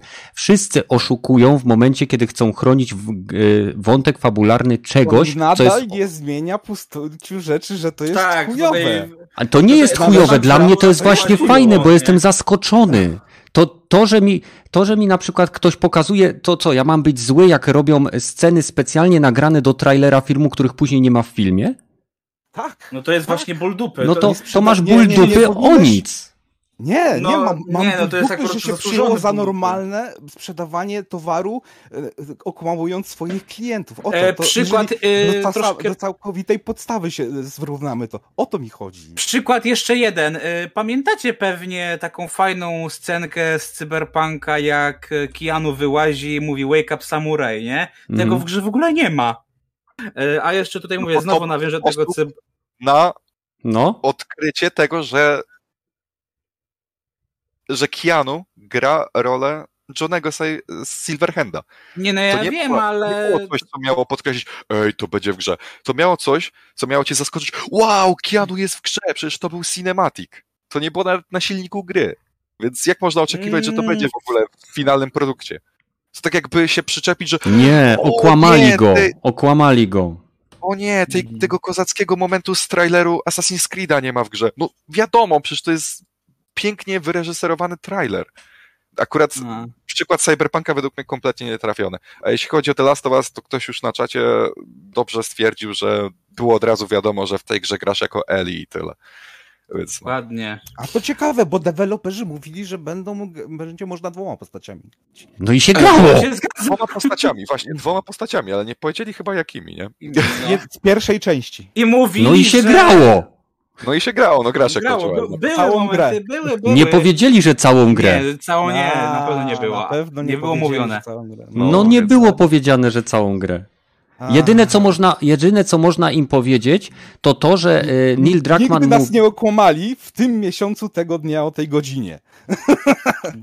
Nie mówię, no Rogaty, okej, z- zwiastuny teraz były trochę sproperowane, ale bez przesady. Rafał, już trochę przesadzasz. Y, słuchaj, y, Kojima ukrywał, że w dwójce będzie się, nie będzie się grało Snake'iem, tak? Po to, żeby zaskoczyć graczy. Y, g- y, nie wiem, na przykład... Jest różnica pomiędzy ukrywaniem a zmylaniem kogoś. No, to, to jest różnica, to prawda akurat. To zmylaniem jawnym, Ej, świadomym. dobra, ale za przeproszeniem, co mieli ukrywać, jeśli scenariusz gry wyciekł do internetu, bo ja nie rozumiem, tak No, szczerze. Inna bajka, nie? Na trzy miesiące przed premierą gry, a ukrywali przez cały produk- czas produkcji, bo Mhm. zarabiali na preorderach już w tej chwili. Po pierwszym trailerze, po drugim i po trzecim trailerze już zarabiali te- z preorder. Ej, sorry, ale w pierwszych trailerach Joela praktycznie nie było. Dokładnie. W sensie Był dopiero pod koniec i Był ludzie już był w pierwszym właśnie pod koniec, ale był. Ale przez pierwsze kilka lat po zapowiedzieniu The Last of Us ludzie się zastanawiali, czy Joel w ogóle będzie w tej Tak. grze, czy może umarł i będzie się przez cały czas grało w- jako Eli. Dokładnie, to, to No. właśnie ludzie się zastanawiali, czy ona faktycznie z nim rozmawia, czy to jest duch, czy ten i... Czy- i Czy ona ona mamy prostu sobie go czasem... sobie wyobraża. No. no. Serio. Więc tak, myślę, że Y, Aktorom, którzy grają w filmach, są niejednokrotnie dostarczane fałszywe e, skrypty. To znaczy co, że ci aktorzy są oszukiwani, czy to się robi po to, żeby ukryć ewentualne przecieki? A to jest prawda. Na przykład Tom Holland e, był poinformowany, że e, ostatnia scena Avengers Endgame to jest ślub, podczas kiedy tak naprawdę był to pogrzeb. Więc tak, e, taka, No. taka ciekawostka. Że właśnie po to, aby Tom Holland, który jest znany z spoilerowania filmów, w których występuje, e, no No trzymał nawet gębę. teraz kurde. o tym Spider-Manie trochę ci- cieknie mu z gęby No. ostatni. No, Więc a w, tak. ogóle, w ogóle jeszcze na chwilę wrócę do Cyberpunka, bo nie wiem czy dzisiaj widzieliście, ale ktoś się dokopał na PS4 Pro do wersji sprzed pierwszej łatki Cybera i wychodzi na to, że jeszcze na jakieś 3 miesiące przed premierą gry e, w grze można było dodawać e, dodatki na broń typu tłumik, E, byli sprzedawcy w, w grze, wiesz, uliczni sprzedawcy, gdzie mogłeś sobie e, sprzedać lodowe rzeczy albo ku- e, kupować e, różne e, rzeczy, wiesz, ty mogłeś coś komuś sprzedać. E, także jeszcze nawet mapa, która jest, była w pełni wyignorowana w 3D, także no trochę tych rzeczy poleciało w, ty, w tym cyberze i to tak, tak konkretnie jeszcze nawet na 3 miesiące przed premierą. No ja jestem ciekaw, czy w ogóle to widzieliście ten materiał, czy, czy, czy nie. No pewnie chcieli, aby gra jakkolwiek działała. Mhm. No i powycinali, jakoś tam działała. Czy dobrze? Nie. Tragicznie? Tak, ale jakoś tam działała, nie? No. Odnośnie tych wszystkich jakby wp- wprowadzania ludzi w błąd, to ja e, rozumiem próby związane z ochroną e, wątku narracyjnego, tak? Jeżeli to jest, e, kto ma e, jakby za, za, zapewnić graczom odpowiednie emocje i doświadczenia związane z przechodzeniem tego tytułu, oglądaniem filmu, czy nie wiem, jakiejkolwiek innej formy medium związanej z, z jakby odbiorem, to dla mnie to jest jak najbardziej dozwolone. Czym innym jest, kiedy pokazujesz w przypadku Cyberpunka produkt, który wygląda jak A, a dostajesz B. Czym innym jest, kiedy y, na przykład y, gościu, który się nazywa Todd Howard, opowiada nam o Fallout 76, a później dostajemy Fallout 76 i 16 times the detail. Czym innym jest y, okłamywanie ludzi względem samego produktu, i jego funkcjonalności, a czym innym jest ja- jakby ukrywanie pewnej części czy maskowanie pewnej części zawartości dla dobra samej fabuły i narracji. Tak jak jest to robione w filmach, tak jak jest to robione w trailerach e, do filmów i innych rzeczy. Więc e, jest, są jakby dla mnie te dwie różnice. I ja osobiście, e, jasne, za każdym razem, kiedy Kojima promuje grę, zastanawiam się, co tym razem przekręcił i co tym razem pozmieniał, ale to jest część takiej zabawy, tak? Dla mnie to jest, dla mnie to jest dla mnie to jest akceptowalne zachowanie w przypadku trailerów. Podmiana postaci y, w, w przerywniku nie jest niczym nowym. Tak samo były podmieniane to, co Kiwaku powiedział, postacie w trailerach Avengersów, czy zupełnie usuwane, czy specjalnie dodawane. Y, Więc ta, tak jak Okal napisał, jest to robienie w chuja, tylko troszeczkę inaczej, ale y, nie zmienia to faktu, że dla mnie tych konkretnych przypadkach, kiedy to zostało zrobione, wiem, że gdybym y, pewnych rzeczy doświadczył przed y, jakby, jakby zagraniem w ten tytuł, nie zmieniłoby to absolutnie mojego wpływu, znaczy mojej decyzji o jego zakupie, bo i tak bym kupił Last of Us. Choćbym wiedział y, wszystko o tych trailer, o tych, nie wiem, przeciekach i tak dalej, i tak bym to kupił. I mi to absolutnie nie przeszkadza. No mi przeszkadza to, że tylko w ten sposób, że jeżeli musisz się do takich zagrywek pociągnąć, to zazwyczaj twój produkt nie jest warty tych, tych Tu się e, nie pieniędzy, zgodzę. Absolutnie zgodzę się nie zgodzę. Zaz, zaz, zazwyczaj przy filmach, jeżeli podmieniali coś, to o, wow, podmienili to, a to to specjalnie scena na trailer zrobiona, a okej, trailer był fajny, film zazwyczaj jest przeciętny. Nie wybija się niczym po, ponad to, że u, zrobili twist. No, no A co, co w przypadku Gwiezdnych Wojen oryginalnych? Kiedy y, główna postać, Darth Vader, kiedy mówi do Luka Skywalkera, jestem two, ja jestem twoim ojcem, gdzie gościu, aby y, ukryć w ogóle, y, George Lucas, aby ukryć faktyczny y, jakby faktyczną treść tej wypowiedzi, tamten facet mówił coś zupełnie innego, a faktyczna treść została nagrana później. I to było po to, żeby nie wyciekły te spoilery, nie wiem, kuźwa wtedy do gazet, na pagery, nie mam cholera pojęcia, co wtedy ludzie sobie wysyłali, gołębie pocztowe. To było działanie, które było już w latach, kiedy były Gwiezdne Wojny. I... Swoją drogą zaspoilerowałeś ludziom Gwiezdne Wojny, więc tak gratuluję. O, bardzo Co? mi przykro. Film, film z 76 roku? A, nawet ci nie powiem szczerze, ale sprawdzę z chęcią. No, nie jestem pewien, ale no stary film, tak? Więc mm, to nie jest tak, że automatycznie, jeżeli ktoś coś podmienia, to jest to y, od razu gorszy, gorszy produkt końcowy, bo często jest to robione z konkretną mówimy, intencją. Tak, tak, ale my tu mówimy z konkretną intencją, żeby na podstawie tego jak najlepiej rozreklamować swój produkt. Nie chodzi o to, że oni co tam e, próbują e, tym ukryć podczas produkcji tego, tylko mi chodzi, że oni próbują zamieszać tylko i wyłącznie, żeby e, zamieszać, żeby jak największy taki PR-owy młyn zrobić. No, jeżeli ma się słabą podstawę w swojej czy książce, czy filmie, czy, czy, yy, czy grze, to się buduje wokół niej szum medialny i, i, robi się wokół niej kontrowersje, żeby część osób, którzy są nieprzekonani, mogła, a kurwa, muszę sam to przeżyć i zobaczyć to, żeby się sam ocenę na tym yy, zrobić. Najgorsze filmy na świecie też tak mają czasami. Jak się The Room zaczęło robić po, popularne, to wszyscy, a obejrzę se to, bo to podobność takie chujowe, że można się przynajmniej z tego pośmiać, nie? Mm. I to, to właśnie tego typu marketing uważam za zły. To, to nie sprzedajesz mi e, tym, czy ty chcesz e, zrobić tą grę, czy film, czy, czy książkę. Mhm. E, zwłaszcza przy grach jest to dosyć trudne, bo, bo żeby grę żeby poczuć, to trzeba w nią pograć. Ta, z tym się zgodzę, ale jeżeli mi ofen w materiałach albo y, zakłamujesz rzeczywistość, czym ma być gra, albo e, w wywiadach e, mówisz, że wymijasz każde pytanie, jakie ci jest praktycznie zadawane, jeżeli chodzi o świat, albo jaka będzie rozgrywka w nim w taki sposób, że. Jak Sean Murray wiem, w przypadku nie... No Man's Sky na przykład, tak? Akurat to, to jest... Sean Murray udostępniał za dużo detali, które później się nie pojawiły w grze. No to, no to, to, to jest dla mnie chujowy marketing pod, do chujowych gier zazwyczaj, no. No tak słuchaj, mamy po prostu zupełnie inne podejście. Ty oczekujesz, żebyś chciał wiedzieć wszystko, albo może nie wszystko, bardzo dużo na temat tytułu, w który chcesz zainwestować. Ja lubię y, w pewne rzeczy wejść na ślepo. Ja ponieważ... bym chciał wiedzieć, ja ci muszę przerwać, bo wkładasz usta, w słowa w moje usta, o których się nie, nie zgadzam. Ja chcę wiedzieć, co, na co się pisze.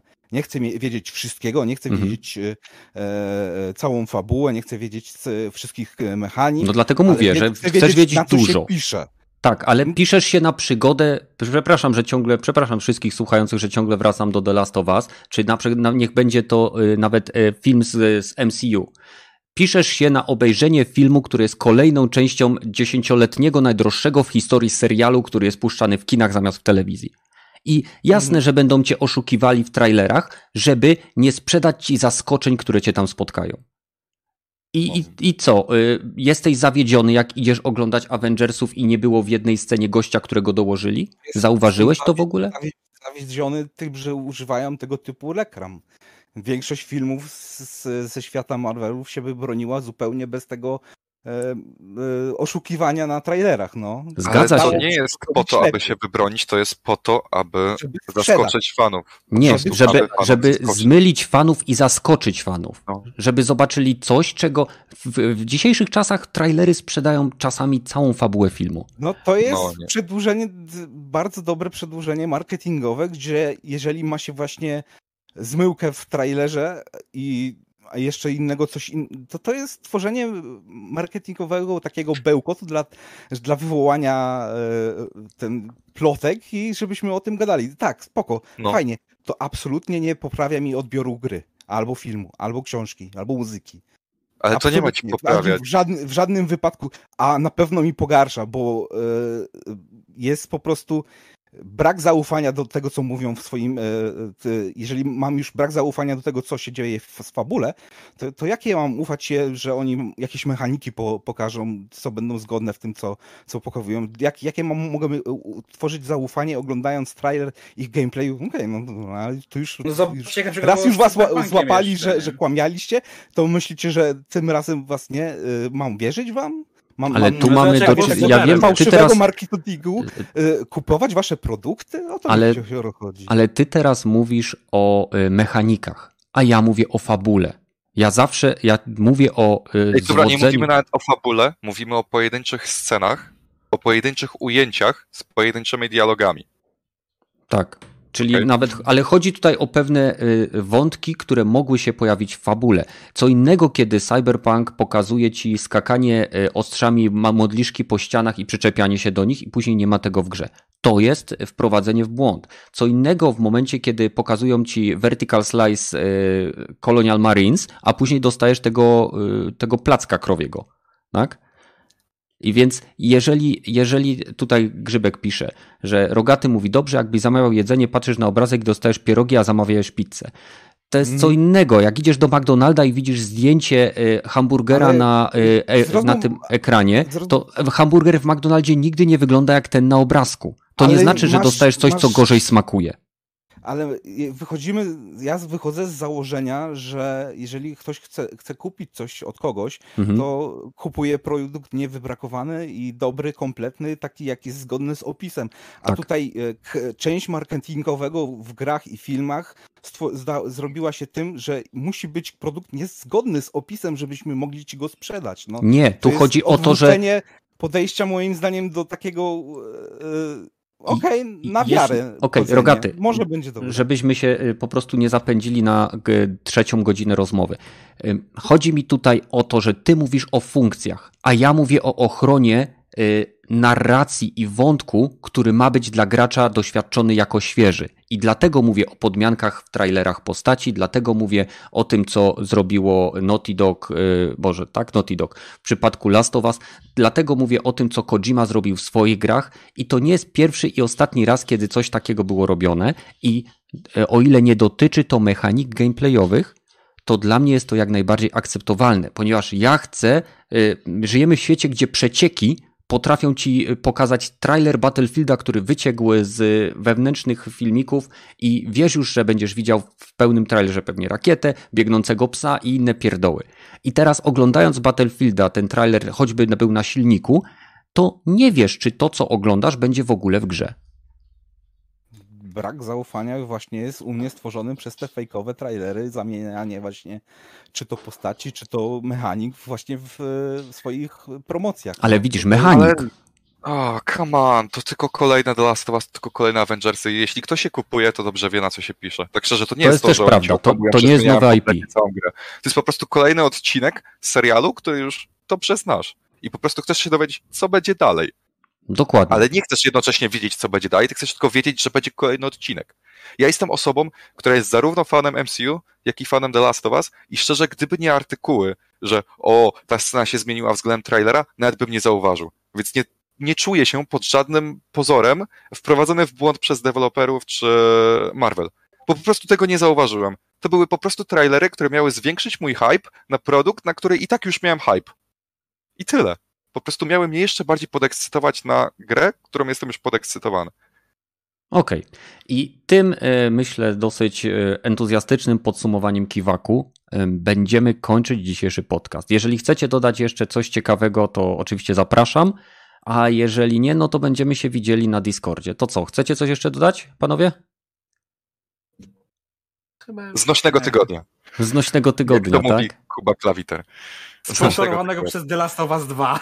Tak, pa pamiętajcie, wszystkich, którzy nas teraz jeszcze słuchają, pamiętajcie, że każdy ma jakby prawo do swojego punktu widzenia i swojej opinii i myślę, że ten podcast jest ciekawy przede wszystkim dlatego, że czasem mamy te spojrzenia i punkty widzenia tak różne, więc y, przynajmniej coraz mniej na siebie krzyczymy. I, Dopóki i... nie zaczniemy tematu The Last of Us z rogatym. Nie, no Rogaty nie mówi konkretnie o The Last of Us, tylko o pewnych praktykach i ja rozumiem jego punkt widzenia, tylko że akurat mi on nie przeszkadza. E, ale na tym polegają punkty widzenia, tak? Zależą od siedzenia. Więc y, dziękuję wszystkim, którzy do nas dołączyli. Jeżeli oglądacie nas y, offline'owo, to pamiętajcie, możecie wspierać ten kanał, ten podcast poprzez danie łapki w górę, możecie, nie wiem, dać komentarz i, nie wiem, łapkę w dół, co tylko chcecie, algorytm je wszystko. Im więcej tego wszystkiego jest, tym lepiej się po prostu YouTube karmi i tym wyżej nas wypycha. A jeżeli chcielibyście z nami porozmawiać, to zachęcam Was do dołączenia do naszego Discorda. Link macie wstawiony o właśnie teraz w czat. Z naszej strony to już wszystko, więc cóż, żegnamy się i do zobaczenia w kolejnych odcinkach tak szybko, jak to będzie możliwe. Trzymajcie się. Cześć. Siema. Dobranoc.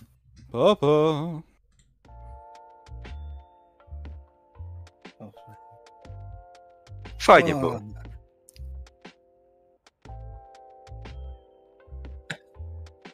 Be right back. Take a leak.